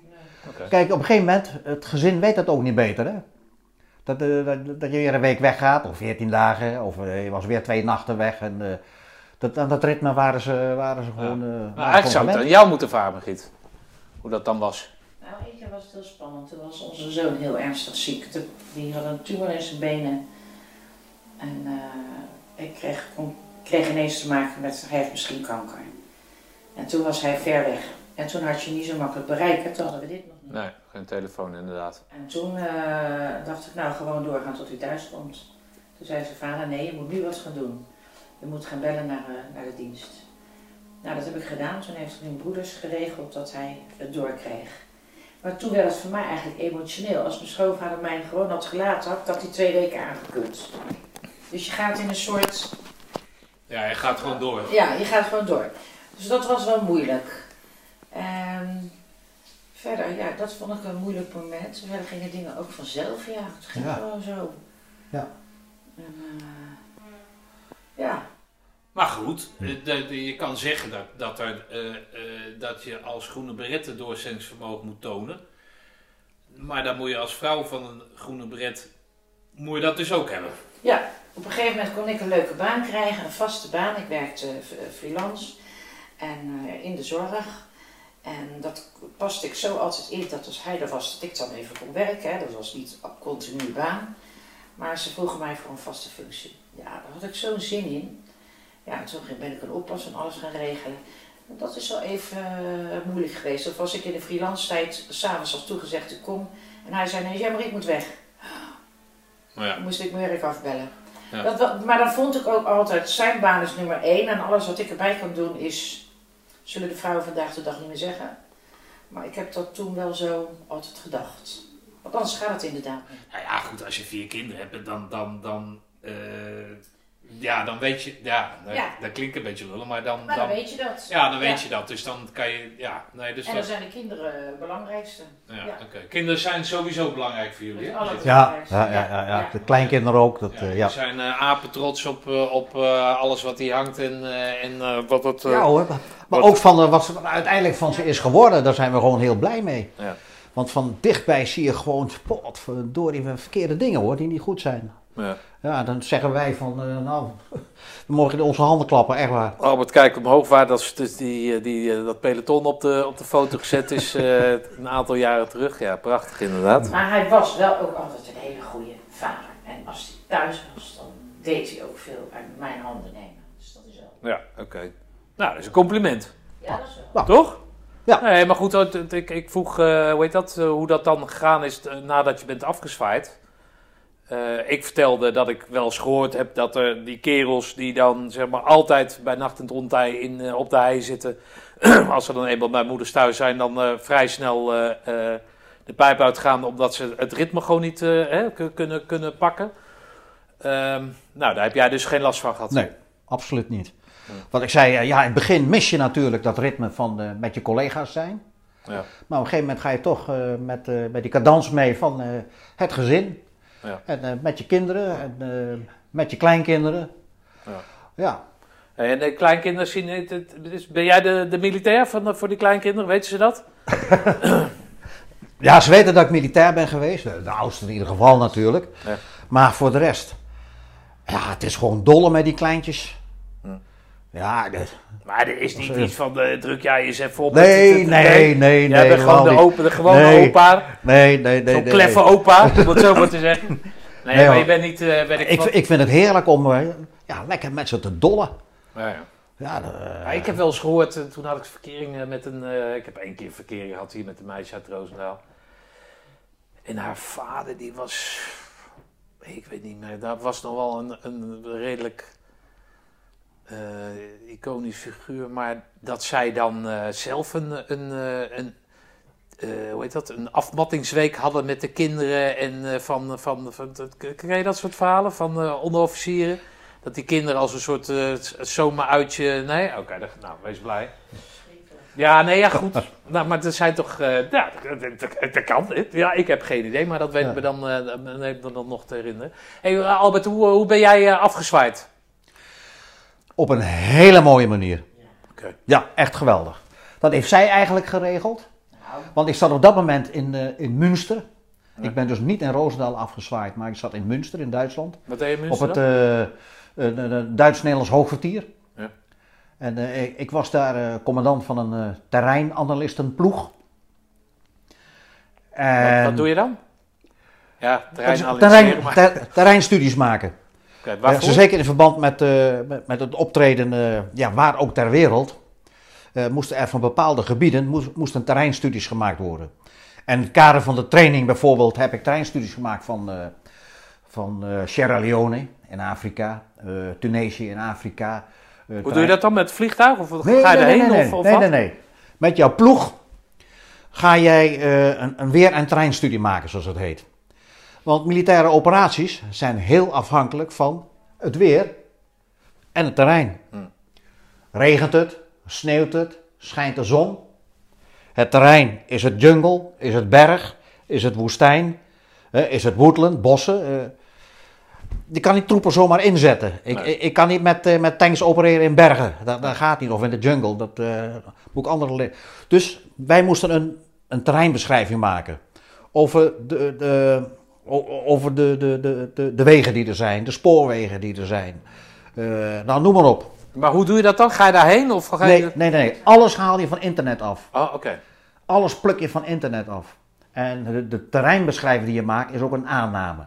Want het kan best zijn dat boscomplex X dat het helemaal eh, weggekapt is, weet je wel. Oké. Dus allemaal aannames. En dan krijg je een heel verhaal. En daar doen commandanten dus hun, eh, ja, hun beslissing Ja, ja. mee nemen. Maar ook niet met satellietbeelden of... ja, of, eh, satellietbeelden dat wel. maar dan kun je dus allemaal van internet afhalen of van andere inlichtingeninstanties. Want je bent een inlichtingenorgaan. Ja, ja. Het is niet zo dat ik dat ook van de internet kan halen. Nee, nee, nee. Want, Nee, eh, want je hebt je lijnen natuurlijk eh, richting de Amerikanen, richting de Engelsen, nou, eh, noem maar op. De Fransen met een eh, spotsatelliet en dergelijke. Hey, maar Münster betekent dus dat je daar dus gelegerd was en intern zat. Ja, En dat was voor vijf kwam- jaar, zeg jij? ik heb daar vijf jaar gezeten, ja. Dus al vijf jaar was je niet thuis? Ja, in de weekenden. ja, nee, oké. maar vijf jaar door de week was je niet thuis? Ja, was ik niet thuis, nee. nee, nee. En met de oefeningen, dan was ik wel eens een maand weg. Oh joh. Ja, ik weet nog een keer in, eh, in, in, eh, een periode in april, mei, had ik twee oefeningen achter elkaar, toen was ik vier weken weg. Ja, Ja, oké, maar dat, dat, eh, dat als jij Want vijf dagen in de week weg bent, dan is dat toch eigenlijk hetzelfde als dat jij eh, een, een maand weg bent. Ja, goed, je bent de weekenden niet thuis, maar Ja, voor, die, ki- voor die kinderen is het, en voor je vrouw is het, is het natuurlijk is het nogal wat als je vijf dagen weg bent, of niet? ah, de deel van de kinderen was al de deur uit, dus eh, Ah, dat... eh, Verdien je dan ook meer of niet als je bij, in het buitenland zit? Ja, dan kreeg je buitenlandtoelage, hè, Ah, zoals dat heet. Maar het ritme was door de week, uh, s maandagsmorgens vroeg ging ik altijd naar Münster. Ja. Dan kwam ik altijd rond een uur of acht 's morgens aan. Het ritme in het hoofdkwartier was dat voor 12 uur moest je binnen zijn. Dus dat was makkelijk te behappen van Roosendaal uit naar Münster. Ja. Dat was een 3,5 uur rijden ongeveer. Ah, oké. Ja, en vrijdags eh, vanaf 12 uur mocht je huiswaarts voor degenen die eh, naar Nederland moesten. Oké. Dus om 12 uur zat ik in mijn autootje en dan ik eh, terug naar, naar Roosendaal. Hey, maar is dat dan is dat een soort, soort einde, naar het einde functie? Of, Nee hoor, nee, dat is eigenlijk bij toeval geboren. Ik was... eh, Doe ik niet lullig, hè? Maar meer zo van, nou ja, dat je dan toch Nee hoor, nee, nee, nee. niet meer het Ik veld was, eh, ik was eh, S2 toegevoegd hier eh, bij de Korps Commandotroepen. S2 is wat? Inlichtingen. Ja. En het korps had op een gegeven moment een terreinanalist nodig. Maar ja, die had niet voor het oprapen. Dat is een hele moeilijke opleiding. Dat, en op een gegeven moment zeiden ze tegen mij, volgens mij Albert, is dat wel iets voor jou? Om dat te doen. Want je hebt al de nodige ervaring. Ik had al iets van een cursusje gehad bij de school militaire inlichtingendienst toen in Ede. Ik zei, nou jongens, eh, dat is helemaal niet waar. Dat, is een opleiding. eh, daar moet je academisch gevormd zijn. Denk je bijvoorbeeld aan eh, geologen, mijnbouwkundigen, weet je wel, en dat soort figuren. Nou, zeiden ze, ga maar eens navragen. Dus ik ben toen naar, naar Ede gegaan. Ik kende daar een aantal mensen, omdat ik daar de nodige inlichtingenopleidingen al had gehad. En toen zeiden ze tegen mij van, eh, volgens mij moet jij dat wel kunnen, Albert. Eh, ik zeg, tussen die academici, allemaal eh, jongelui van eh 24, 25 jaar, weet je wel. Nou, ik heb dat toch toen gedaan, als adjudant, met mijn 50 jaar. En dat is een prima opleiding, duurde alleen 7 maanden, was best lang. Heel intensief ook. Was echt, ook in die vakantie tussendoor van twee weken, was gewoon doorstuderen. En Ging dat nog wel dan? Nou, in de nee, zin het van, was, ik, het ik weet... studeren was heel zwaar. Ja, dat kan me Met name voorstellen. als ik denk aan, eh, aan bodemkunde en dergelijke. En eh, ook, ook, ook het weer, hè. Het weer, eh, dat, was, eh, ja. Maar goed, ik, heb dat, eh, ik had hele fijne collega's van die academische jongen. Die wisten, die, je kan lullen wat je wil. Maar dat zijn echt slimme jongens en dames. Maar hoor. dat is gewoon een officiersfunctie dus Ja, eigenlijk. is een officiersfunctie. Ja. Dus, eh, nou ja, op een gegeven moment, na zeven maanden, moest je examen doen. Dat examen duurde een, een week. Nou. Dus we begonnen, ja, we begonnen maandag. Kreeg je een briefing. Ja, oké, en dan werd het in de praktijk nagespeeld, ja, zeg maar. het werd helemaal nagespeeld. Oké. En vrijdags, voor 12 uur, moest het klaar zijn. Nou, en zoals iedere beroepsmilitair valt en staat alles op je tijdsbalk. De indeling, hè. Precies, eh, maandag doe ik dit van zo laat tot zo laat. Dinsdag doe ik dat van zo laat tot zo laat. Enzovoort, enzovoort, enzovoort. Ja, tot 12 uur klaar. En? Nou, kwart voor twaalf, kwart voor twaalf zei ik tegen mijn, eh, tegen mijn instructeur: Dit is mijn pakket. Kaarten, oleaten, eh, de bevelen en alles wat eraan vastzit. En eh, ik was kwart voor twaalf klaar. Als enige. Oké.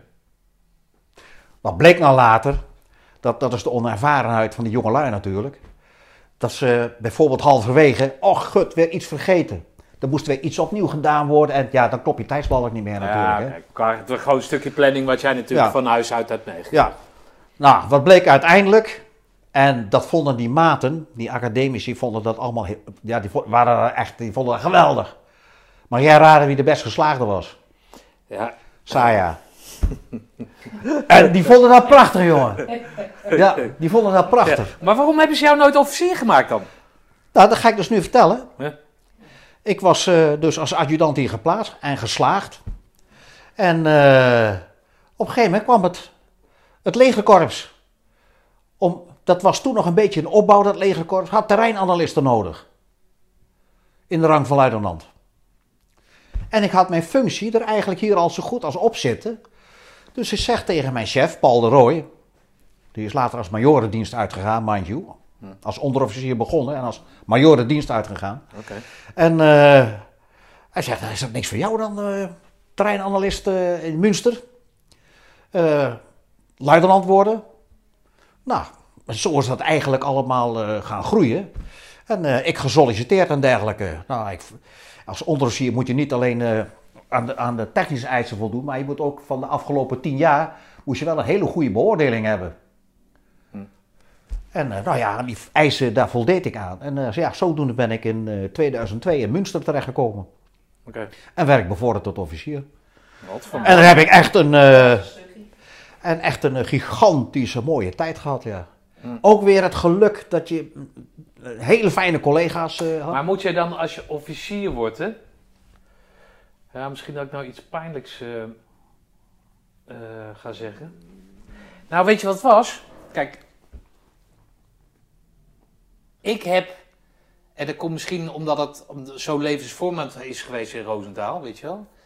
eh, en dat ik weet dat eh, Van de Putten eh, officier is geworden, hoopte ik. Hè, ik heb gisteren sergeant van de Put, hè, Ron van de Put, gebeld. Ik zeg: Wat is sergeant Siegel nou zijn eindrank geweest? En ik heb je gegoogeld, maar het lijkt wel een geheim agent. Je komt, die- op internet kom je bijna niet voor. Ja, behalve bij het afscheid van Van Wiggen word jij genoemd als instructeur van zijn, eh, van zijn peloton. En ik ho- maar ik, ik kwam niet. Hè? Dus ik ben zo blij dat jij dan officier bent geworden. Zo wat ik bedoel? Het is Ja. een beetje een vaag verhaal, maar dat, dan denk ik van ja, dan heb je, heb je bij mij zo'n eh, onsterfelijke indruk gemaakt. En dan zou ik het zo jammer vinden dat, dat met dat Indo zijn, weet je wel, met die integriteit die jij dan uitstraalde. De, dus niet dat botten, maar gewoon dat motiverende, weet je wel. Zo van, eh, hier liggen de putten, je moet ze alleen nog even uitgaven. Grapje. Maar snap je, dan ben ik zo blij dat je dat, en dat bedoel ik niet lullig hè, maar dat je dat dus bereikt hebt, weten te bereiken. Nou, dat wil ik even kwijt. Maar goed, dus jij, jij wordt dan als laatste, dat moet dan een ontzettende kerst op de taart zijn, of niet? Ja, tuurlijk. Dat was echt, eh, ja, absoluut. Maar ook hierin heb ik dus haar weer achter mij staan. nee, dat- ja, nee, ik dat moet weten we wel- nee, Ja, ik dat moet- weten we ik nou wel. wel. Koop eens een bos bloemen Ja. voor haar. Koop een bos bloemen voor haar. Heeft wel gehad. Michael, hè? Nee, maar, Heb ik twee maanden geleden al gedaan, die bosbloemen. nee, maar ik moest wel in principe een hele week daar. Ja, nee, Ja, natuurlijk. maar dat was, dat was goed. Ja. Ja. Snap je? Nee, tuurlijk. Ja, maar- en weet je wat het mooie is? Kom ik in gesprek met een jonge dame die ging studeren. Ja, moet ik de hele week wel intern in Amsterdam, geloof ik. Hmm. Ik zeg, nou meisje, ik, ik weet eigenlijk niet beter. Ik weet niet wat daar erg aan is. Ja. Maar, eh, snap je? Hij werd luitenant en dat verdiende hij al lang. Ja, ja, van, eh, ja? ja nee, niet zo van, vind je dat wel, dat vind ik niet. Ja. Maar dat, dat, dat, want ik zei tegen Van de, van de hoe heet dat, Eh, tegen Van de Put, ja, hoe gaat dat dan? Hè? Vanuitgaande dat je adjudant was. En waarom ik dat dacht, maar ik denk van ja, ik wil het toch even checken. Want dat lijkt mij zo pijnlijk als je dat dan, eh, als je iedereen officier ziet worden, want je bent natuurlijk een gespecialiseerd iemand, en je blijft dan zelf, blijf, en adjudant is helemaal niks mis mee natuurlijk. Nee, zeker niet. Nee, helemaal niet. Denk, Maar het, het, het is dan wel van, ja, godverdomme. Eh, want een adjudant die, eh, die zich als een kleffe burger heeft gedragen, altijd achter een kantoor heeft gezeten of eh, weet ik veel wat.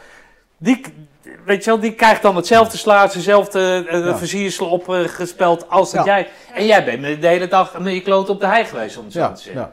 Maar kijk, hè, voor onderofficieren, in principe is je eindrang adjudant.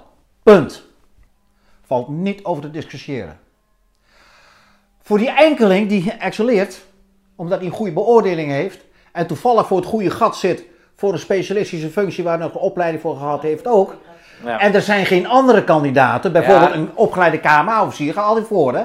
Ja. Oh, is het zo, ja? Ja, tuurlijk. Want? Oh, daar heb je meer aan omdat hij jonger is. Nou, niet, niet alleen dat, maar hij heeft natuurlijk al een bepaald niveau. Hè? En, eh, en ja, hij, hij- is jonger natuurlijk. Want in de klas waar ik zat, met mijn 50 jaren, waren allemaal eh, gasten van eh 23, 24, 25 jaar. Waren allemaal jonge, jonge Ja, daar, heb- daar hebben ze wat meer aan qua tijd. Ja, Dus dan stoppen ze erin en dan kunnen ze dan wat meer Ja. uithalen dan, dan jij met je kijk, 50 en jaar. ik zat net voor dat gat, voor dat hoofdkwartier in Münster, Ja, ja. waar zich nog niemand voor had aangemeld. Voor commandant treinalist de ploeg. Hm. Ja, en toen was het bingo. Ja. Hij heeft er ook hard voor gewerkt. Toen was het bingo. Ja. Hey, dus dan, eh, dan eh, zie jij er dus in pak zie jij er prachtig uit. Niet dat je als adjudant er minder goed uit zou zien. Hm. Maar dan heb je dus, dan, dat is de, ver, nou, wat ik al zei, de kerst op de, maar de vervolmaking van jouw carrière. Ja, dat is gewoon een, eh, een enorme kers op, op de taartje. Ja. Dan ben je, daar, ben je, daar ben je trots op, mag ja. ik aan. tuurlijk. Ja, ja, zeker, absoluut. Ja. Wat zou je vader ik- dan van vinden? Ja, die zou trots geweest zijn. Ja? absoluut zou hij dat geweldig hebben gevonden. Ja, ja, Ja, absoluut. Ja, helaas, eh, Nee, ja, tuurlijk. hij mocht dat niet meemaken. Nee, eh, maar dat had hij sowieso niet meegemaakt, toch? Nou, mijn vader is van 1927. Nee, maar ik bedoel, hij is vrij jong overleden, vertel Ja, ja, ja. Dus dat had hij niet meer meegemaakt. Nee, nee, nee, nee. Nee, precies. Maar als hij geleefd had, dan... eh, Ja, nee, oké. Ja, nee, ja. tuurlijk, oké. Dus eh, ja, en mijn, mijn afscheid... Oh ja, daar waren we gebleven. Dus in, Münster Münster. krijgen we het afscheid. Ja, dat was, dat was heel mooi. Want mijn, eh, mijn baas daar, Ja. die had met haar gebeld van, eh, god, eh, kunnen we nog iets voor Albert regelen enzovoort enzovoort. Maar ik denk dat jij dat het beste kan vertellen. Nou, dat zal het gelijk goed vragen. Kunnen jullie bus spelen dat we met de hele familie erheen kunnen? Oh, oké, ja, natuurlijk. En Ja. ja, ik, mocht, ik mocht het zeggen, hè, regel het maar. Nou, dus dat, hebben, dat is gebeurd, joh. Er kwam hier een eh, grote taxibus voor rijden. We gingen met onze kinderen erin en een paar kleinkinderen, de oudste. En we gingen naar Münster, naar het feest. En dat was hartstikke leuk. En na afloop, eh, ja, geweldige receptie. Eh, mannen uit Roosendaal kwamen ook. Hij kreeg het commandobeeld, hè, dat, eh, dat Schotlandbeeld. Oké. En ehm, toen zijn we daarna eh Indisch eten met de kinderen, met het hele gezin. En, eh, In Duitsland. in Ben je Indisch eten dan? Ja, In, in de mes daar. Ja, ze Oh, in de mes, ze hebben kan je in de mes Indisch, Ja. Indisch gekookt. Ja, Ah, Dus, oké. Nou, en eh, nou, toen weer naar huis, dus het was heel leuk. We zaten met elkaar in die bus, dus we hadden gewoon een soort van schoolreis. Hè.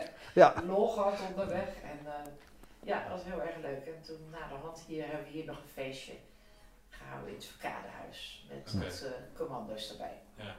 Maar nee, wat op, op die laatste, hier dan in Roosendaal, als dat, als dat dan afscheid neemt, staat daar dan eh, 40 jaar eh, eh, eh, commando eh, te wachten op je, of wat? Nee, hier, hier eigenlijk niet, hè. Ja, je bent natuurlijk al Nee. vijf jaar weg. Dat Ja. is, Ja, dat, we dat- hadden ja. gewoon een aantal Er stond wel een artikeltje in-. Ja, er stond Ja. wel een artikeltje in de Groene Beret. Oké. eh, Dat ik met uh, functioneel leeftijdsgrondslag ben gegaan. Met, eh, met een fotootje erbij, met haar erop en zo. Dus eh, nee, ik heb eh, op een hele goede manier afscheid kunnen nemen van, eh, Ja, van het is natuurlijk een heel groot bedrijf. Hè? Want het, het, hè, men- wij zien dat natuurlijk als, hè, ik als dienstplichtige enthousiast, dan zie je dat natuurlijk als iets anders. Maar het is gewoon een bedrijf. Hè, er wordt gewoon van een manager wordt afscheid genomen. Ja. En eh, nou, hier cadeau en een foto. En de- hè, zoals het eigenlijk in het bedrijfsleven ook gaat. Hè, En wij denken dan meer zo van de, met, met een, een tamboer, zo'n zo'n drumband en hij gaat eruit. En, eh, weet ik, maar het is natuurlijk gewoon, ja, het is gewoon het leven eigenlijk gewoon. Dus, en het gaat maar door en Ja, iedereen en- is... en toch, Of niet? En, en toch, Stefan, eh, als ik wel eens mensen om me heen hoor hè, in het bedrijfsleven, Ja. Dan denk ik wel eens, goh, weet je op baas wel dat je met pensioen bent, joh? Hè, Ja, die krijgt, zo. Die krijgt, Ja, krijgt ja, ja. eh, 250 euro in zijn hand, zo mag jij, eh, mag jij eh, met je gezin uiteten. Ja. Terwijl ik hier, dan sta ik daar met nog een paar collega's afscheid te nemen daar in, eh, in Münster. Er staat een hele kapel daar aangetreden. Oh ja? Het hoofdkwartier. Nee, maar ik had het even over Roosdaal. Maar vertel over Münster. Ja? de- de- het hoofdkwartier staat aangetreden. Hun, alle gezinnen, nou, echt mooi. En dat vindt ook binnen plaats in een eh, grote sporthal. Ja. Hè, voor weersomstandigheden en dergelijke. Nou, en dan wordt er echt door die commandant van, eh, van het hoofdkwartier, was in mijn geval was dat een Duitse luitenant-generaal. Word je echt persoonlijk toegesproken. Jouw carrière wordt helemaal doorgenomen, enzovoort, enzovoort, enzovoort. Hij neemt ook persoonlijk afscheid van jou. En heel mooi vond ik op het eind dat het kapel het Wilhelmus speelt. Ja. Ja, Moest je huilen? nee, maar er gaat wel wat door je heen hoor. Er gaat wel wat door je heen. Collega's wel. Ja. Heb ik gezien. Ja? Ja. En waar houden die dan om? Waar houden die om, om, het, om Albert? Daar. Om het mooie afscheid. Op het mooie En, eh, afscheid. En dat Ja. hij hem dat gunde. Ja, ja, Ja. oké. Dat was, ja, was heel mooi. Ja, ja en natuurlijk dat eh, mijn gezin er helemaal compleet bij Ja. was. Hè. En alleen al die reis vanaf hier met die bus naar Münster. Ja, ja dat, is, dat is natuurlijk een, eh, een rit inderdaad. Ja. Ja, ja, dat was heel leuk. Dat was ook echt Ja. luxe. Ja. Dat was ook heel luxe. joh. Dat, Ja. eh, Maar mooi man. En dan ga je hier dus afscheid nemen. En dan is het dus klaar. We hebben het al besproken. Maar dan is het dus klaar. Ja, dan is Dan doe je dus in plaats van je, weet ik veel, je gevechtskleding, doe je dan 's ochtends ja, een, een een, andere... broek, een, een broek aan of zo. Of, Ja, een- je- je of pendek, pantoffels, of, eh, hoe, hoe doe je dat dan? Een strijdplank. Hè? Nou ja, precies. Ja. Ja. Ja, Ja. ja nee. Nee, maar ga je dan aansluiten bij, eh, bij een, een, een, een- nou laat eens gaan badmintonnen of zo? Of, of is, is- misschien is tafeltennis wat voor me? Of Nee, ik heb- daar heb ik helemaal- of uh, daar heb ik helemaal geen behoefte aan gehad. Nee? Nee, ik, ik, eh, ik ben wel. eh de eerste drie maanden ben ik thuis geweest. Eh, Ik ben 1 november met ontslag gegaan. Toen ben ik eh, november, december ben- en januari ben ik nog thuis geweest. Allerlei klussen, weet ik veel. eh, vooral de administratie helemaal weer opnieuw op gepoten gezet. Daar heb ik nu nog voordelen van. En, eh, maar op een gegeven moment, eh, de stomerij hier in de Kennedylaan, die had een chauffeur nodig. En dat kwam me Griet ter oren en ze zei tegen mij, Albert, is dat, eh, is dat niks voor jou? Oh, Je werd gewoon na twee maanden weer alweer de Dus, deur eh, Weg die kerel. dus ik eh, met, eh, ben de chef van een stomerijbedrijf. Was trouwens een, een vriend van de, de man van Jitska. Ah. Die kennen elkaar al vanaf eh, dat ze zo klein zijn. Dus voor mij was hij ook al lang geen onbekende meer. Dus ik kende hem heel Een gesprek aangegaan en ik eh, kon beginnen als wasbaas. Oké. En ik zeg altijd, eh, zo ben ik ook begonnen in de dienst als wasbaas. De vuile was ophalen en de schone brengen. ja, dat was, dat was heel relaxed, joh. Hoe is dat dan? Ja, de- met de bus rijden. Ja, nee, Langs- dat snap ik, maar qua gevoel. Ja, gewoon weer, weer lekker iets doen. Alleen op dit moment eh, heeft eh, corona eh, Nee, natuurlijk. Ja, nee, corona, dat snap in ik. roet en maar- eten gegooid. Dus ik heb al even niet meer gereden sinds maart. Ja, oké. Maar ja, weer warm. Sorry. ik, Ja, dat maakt niet uit. ja, het was gewoon heel leuk. Ja, oké. Ja, het leuke daarvan is, eh, ik, ben, ik heb ben daar in 2008 mee begonnen. Dus ik doe dat al eh, een tijdje. Maar je hebt dan niet zoiets van, kijk deze luitenant nou eh, de, de was wegbrengen? Ja. Dat, eh, Nee, ja, dat weet ik. Dat is, weet is, ik. is allemaal geen probleem hoor. Nee, oké. Nee, dat heb je zelfs Nee. in je afscheidspraatje nog staan eh, zeggen. Van, eh, Oh ja, dat heb ik ook nog doen. Ja. ja. Nee, ja, dat... ik, ken, eh, ik ken dan een verhaal van een, weet ik wel, een van kapitein van de mariniers of zo. Facebook, weet je wel. En dan zie je dat hij nu bloemen wegbrengt. Toen ik via iemand anders, ik zei, "Ja, hoe doe je dat dan, weet je wel? Je, je, je, je hebt dat, dat enerverende leven dan, hè, voor, voor, voor anderen. En dan blijkt gewoon dat die complete rust, zonder verantwoordelijkheid, ja, je moet net niet eh, ergens tegenaan rijden, zonder verantwoordelijkheid, zonder tijdsdruk, dat dat gewoon als geweldig ervaren wordt. Want doe lekker de deur dicht en eh, het is gewoon klaar. Ik neem lekker een biertje, ik eh, praat met mijn vrouw, val in slaap of ik ga een filmpje kijken of weet ik veel wat ik ga doen. En dat is het. Terwijl, zeg maar, weet je wel, dat geromantiseerde beeld van militair, dan denk ik, ja, hoezo nou de was wegbrengen? Of, eh, weet- snap je wat ik bedoel? ja, ja. Nou, dat is toch, nou, dat is prachtig, toch? Ja, dat is zeker. Het is, het, Ja. is, het is heel relaxed werk. En je hebt nog een tijd uh, safe gedaan. Hè? Oh ja, ik heb ook nog een tijdje gewerkt bij een, eh, een bedrijf wat de opslagruimtes verhuurt. Oké, nou, dat was een hele relaxe baan, of niet? Dat, eh, ja, dat was ook heel leuk. Dat was echt super leuk. Vooral, eh, daar heb je dus weer dat contact met die mensen, Ja, ja, weet je wel. Dat contact met die mensen. Nee. En eh, maar ja, het had één nadeel. Ik moest ook altijd op zaterdag werken. Oké. En daarvan heb ik op een gegeven moment gezegd, jongens, eh, Ja. nee. Hey, Laat ga je nog wel eens, eh, ik weet niet hoe het werkt, maar daarom vraag ik het. Ga je dan nog wel eens langs de kazerne of zo? Of, of... Eh, op dit moment niet, hè, met, eh, door corona. Ja, ja, Nee, alleen als de borrels zijn, nee, de voor de re- rest niet. Nee. Nee, niet even... Nee, eh, nee. Kom wel af en toe los collega's tegen en dergelijke. En, eh, ja, ook pech dat de, de, de, de Veteranendag in Den Haag niet doorging. Maar ja, dat geldt voor iedereen natuurlijk. Nee, hè. tuurlijk. Dat eh, ja, is gewoon jammer. Dus eigenlijk, qua korpsbeleving, is dat eigenlijk niet anders dan bijvoorbeeld van een gemiddelde dienstplichtige uit KST. Gewoon één keer de vijf jaar. Ja, één keer in de vijf jaar. Je mag maar hopen dat het eh, in eh, 2022 doorgaat.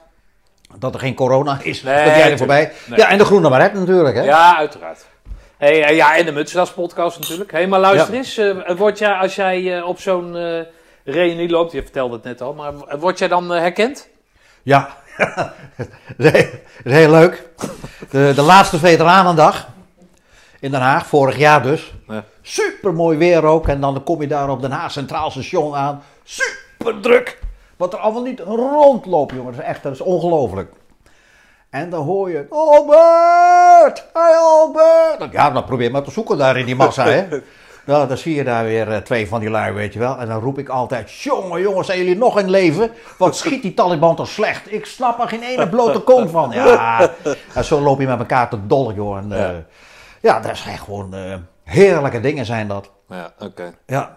En wat ik altijd dan mooi vind, want daarvoor doe, doe ik die Veteranendag natuurlijk ook. Ik vind dat dat elk jaar nodig is, dat de koning mij groet.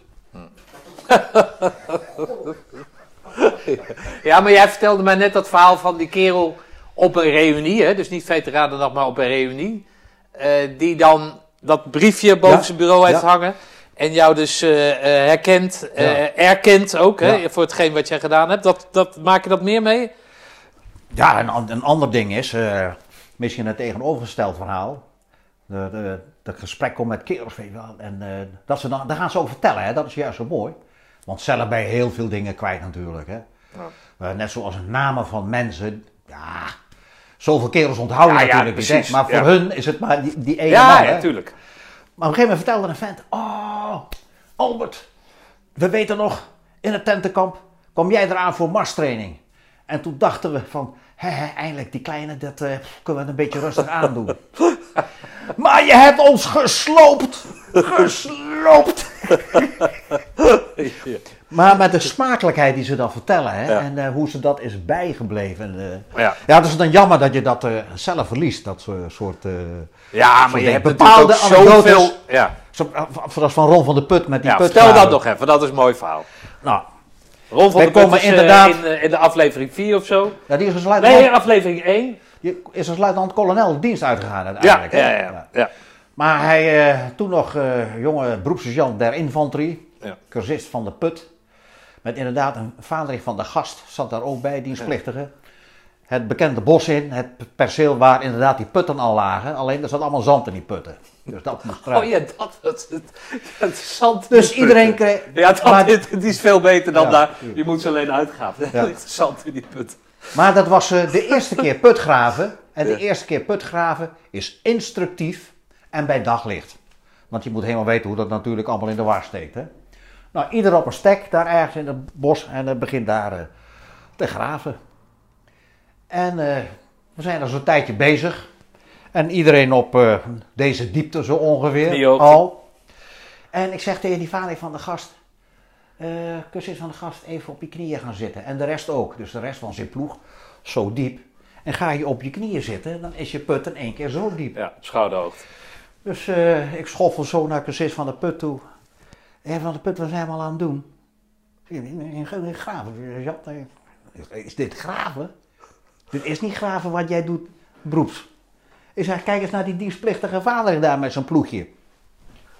En die zaten op heuphoogte omdat ze op hun knieën zaten. Nou, hij heeft zich werkelijk helemaal doodgegraven, joh. Echt waar. Helemaal geslagen, helemaal kapot. Ja. Na de commandoopleiding, Ja. toen had hij een gesprek met deze vader van de gast toen, ook commando horen natuurlijk. En hij vroeg van de, ja, ik snap nog steeds niet waarom wij op onze knieën moesten gaan zitten. en toen begon er bij Ron een lamp te branden.